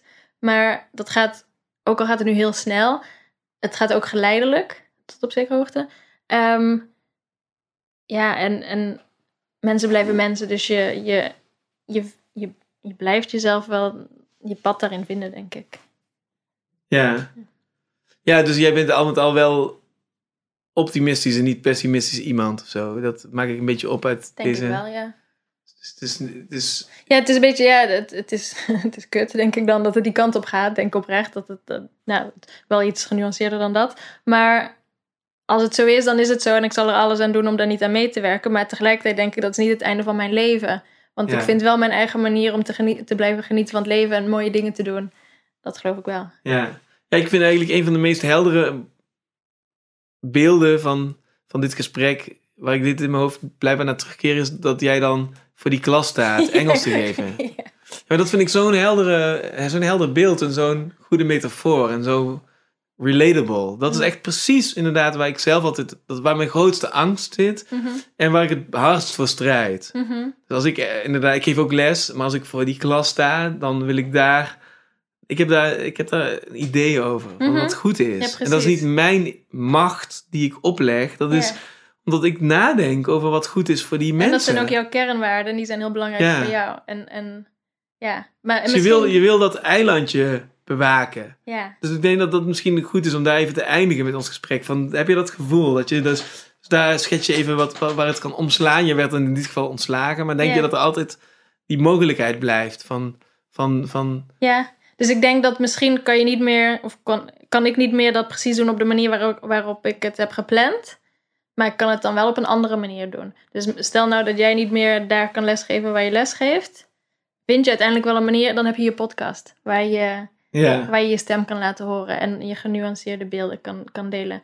En als dat dan, mocht dat niet kunnen, dan vind je wel een andere manier. En zo, want volgens mij is het net een plantje dat blijft groeien door, door, door stenen, weet je wel. Dat gewoon, het vindt zijn weg wel. En hoe moet dat meisje dat doen? Je omschreef dat meisje op school, wat buiten de pas loopt. Die, kan dit, die zit dan in dat Chinese systeem. Kan die dat ook? Of is dat, een voor, is dat een voordeel voor mensen in de westerse wereld? En is dat iets wat we kunnen weggeven, wat we kunnen verliezen? Ehm, een goede vraag. Want, want het feit dat het kan, dat ik heel erg geloof dat het kan, betekent ook niet dat iedereen het zal gaan doen. Ehm, want ik denk dat er altijd een keuze is, en die keuze zit heel erg in jezelf, om ook hoe je naar het leven kijkt. Maar dat betekent misschien wel dat, dat, dat je gewoon op een, dat een groot gedeelte van de samenleving denkt dat je niet helemaal lekker bent. Of dat, dat heel veel mensen het niet met je eens zijn. Ehm, dus dat je heel erg tegen stroom in moet gaan zwemmen, zeg maar. Of echt, ja, dat je daar gewoon heel erg op een bepaalde manier afgesloten van leeft. Dus, dus daar komen ook wel moeilijke keuzes bij kijken, denk ik. Ehm, en tegelijkertijd, hoe dichter je bij jezelf blijft, hoe makkelijker het is om die keuzes te maken. En dat, je, dat ik dan ook inzie dat die dingen waarvan ik bang was om ze te verliezen, dat die eigenlijk ook niet zoveel waard waren. Of dat die me niet zoveel brengen. Dus dat ik veel, ja, daar dan ook afscheid van kan nemen. If that makes sense. Ja, ja, ja ik, ik vind het heel helder en heel herkenbaar. En tegelijkertijd kan ik ook denken van, eh, ja, ik vind dat zo'n zo'n zo'n droevig verhaaltje in het midden van het, ergens zo van dat meisje wat 16, 15 is en dan bekentenissen over wat ze al verkeerd heeft gedaan. Zo'n Ja, soort scène uit, uit, uit uh, Handmaid's Tale vind ik het bijna. Ja, ja, ja. En dan eh, denk ik van, dan denk ik, ah, dat arme meisje, dat weet niet eens in welke mierenhoop ze zit. Mhm. En, maar misschien dat wij ook wel over 100 of 200 jaar in zo'nzelfde mierenhoop hier zitten. En dat daar mensen, onze toekomstige kinderen van de kinderen van de kinderen in die wereld ook niet beter weten. En ook 15 en 16 zijn en een beetje onze genen hebben georven. En dus een beetje opstandige types zijn. En dan, voor je het weet, staan ze ook in die school eh, te bekennen waarom ze zondig Ja, en slecht zijn. boet- boet- En, eh, en dan denk ik, dan, als dat zo is, dan hebben we toch ergens iets weggegeven wat we niet hadden moeten weggeven. Wat we hebben verworven en wat wij vrijheid noemen en Ja. verlichting. Maar ik kan ook denken, zoals jij zegt, van nee, het, het is, het is eigenlijk overal en het kan altijd zijn weg vinden. Het zijn eigenlijk de twee concurrerende gedachten in mijn Ja, hoofd. ja. bij mij ook. Soms dan, dan heb ik heel erg vertrouwen in dat wat er ook gaat gebeuren, dat het wel goed komt. En andere momenten dan, ja, dan, dan voel ik me ook onwijs angstig of, of hopeloos. Dat, dat wisselt elkaar een beetje af. En over het algemeen is het meer positief dan negatief. Maar dat, ja, het is onderdeel van het proces, denk ik. Ook van het loslaten. Ja. Want het, het, het leven is nu ook al heel anders dan twee jaar geleden. Voor, ieder, voor iedereen. Het heeft zoveel impact gehad op het hele leven. Op Ja. wat voor plannen, plannen iedereen had op het, op, voor het leven. Ja, het, het heeft iedereen eh, onwijs beïnvloed. En nog steeds. Ja. Jij kan nooit meer naar China dus. Heb je gezegd tegen jezelf. ja. Misschien- ja, als je ik, je hele leven hebt ingericht op, op, op China. Nou, dus toen ik terug was en toen, toen, heb, toen, toen werd eerst die baan uitgesteld en, en afgezegd. En toen heb ik heel lang nog eerst. ehm, was ik gewoon aan het wachten van gaan de grenzen weer open en wat zal ik doen? Want ik wilde wel heel graag terug. En, en langzamerhand ging ik ook nadenken van als niet China, waar dan wel? Want ik dacht dat ik nooit meer in Nederland wilde wonen. Ehm, en nu ben ik heel blij om hier te zijn en denk ik dat het perfect heeft uitgepakt. Maar op dat moment zelf was dat dramatisch. Sorry hoor. Is oké. Wil je pauze? Nee hoor. Ehm, ja, op dat Ik moment. weet gewoon hoe gevaarlijk het is om te hoesten nu op, op camera. Ik me verslikte, maar ik hoor mezelf, ik hoor, ik hoor de hoest door de microfoon. Dat is wel perfect voor het onderwerp. Ja, je zegt, en, en, maar uiteindelijk pakt het toch juist goed uit. Ja, denk, En dat is denk dan ik wel. als voorbeeld van hoe het toch zijn weg vindt. Ja, Ja, en Dat op, op dat moment is het dramatisch. Maar dat denk ik van alles in mijn leven. Als ik een bepaalde baan niet kreeg of een relatie ging uit of, of iets. Ja. En dat, op dat moment was het het einde van de wereld. En, ach, en nu denk ik, ah, thank God dat ik niet met die vent ben geëindigd of zo. Weet je wel? Ja. Dat, ach, ja. Ja, en ik denk dan altijd dat het leven, dus dat dat vrijheid is. Dat het leven eh, ge- genoeg lucht heeft en ruimte om daarin te kunnen blijven navigeren. ja. En zolang dat bestaat, kun je ook dat klasje vinden waar je dan die Engelse les op een goede manier kan geven. mhm. En eh, als dat kan, dan, eh, dan is dat niet het einde, dan is dat het einde van de wereld nog niet nabij. Want dat is vrijheid.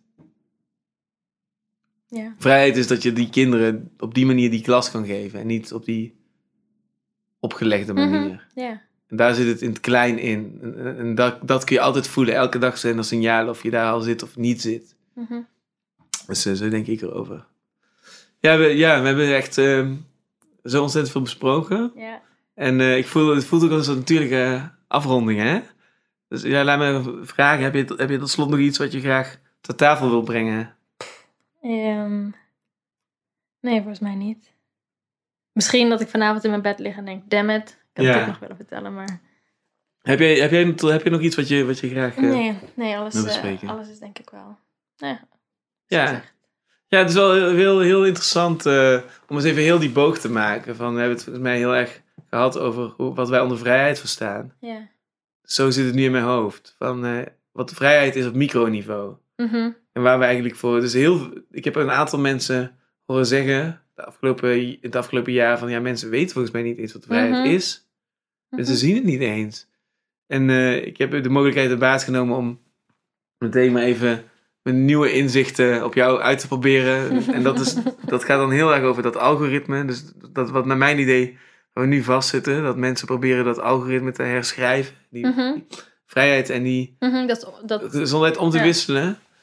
En ehm, in dat licht zie ik nu eigenlijk de zonnestraal die door dat gesprek heen strijdt, schijnt. is eigenlijk dus wat dat idee van vrijheid dan wel is of kan zijn. In ieder geval voor jou of voor mij of wat daarin overlapt. ja. Dat is eigenlijk ook wel een leuke insteek. Want daarmee eindigen we misschien van de verandering hoopvol. Terwijl ik eigenlijk dit gesprek instapte met een idee van daar gaan we met de dystopieën. Maar als, als, als mensen de eindstreep halen, dan, eh, Ja. dan krijgen ze het, het zonnestraaltje. Ja.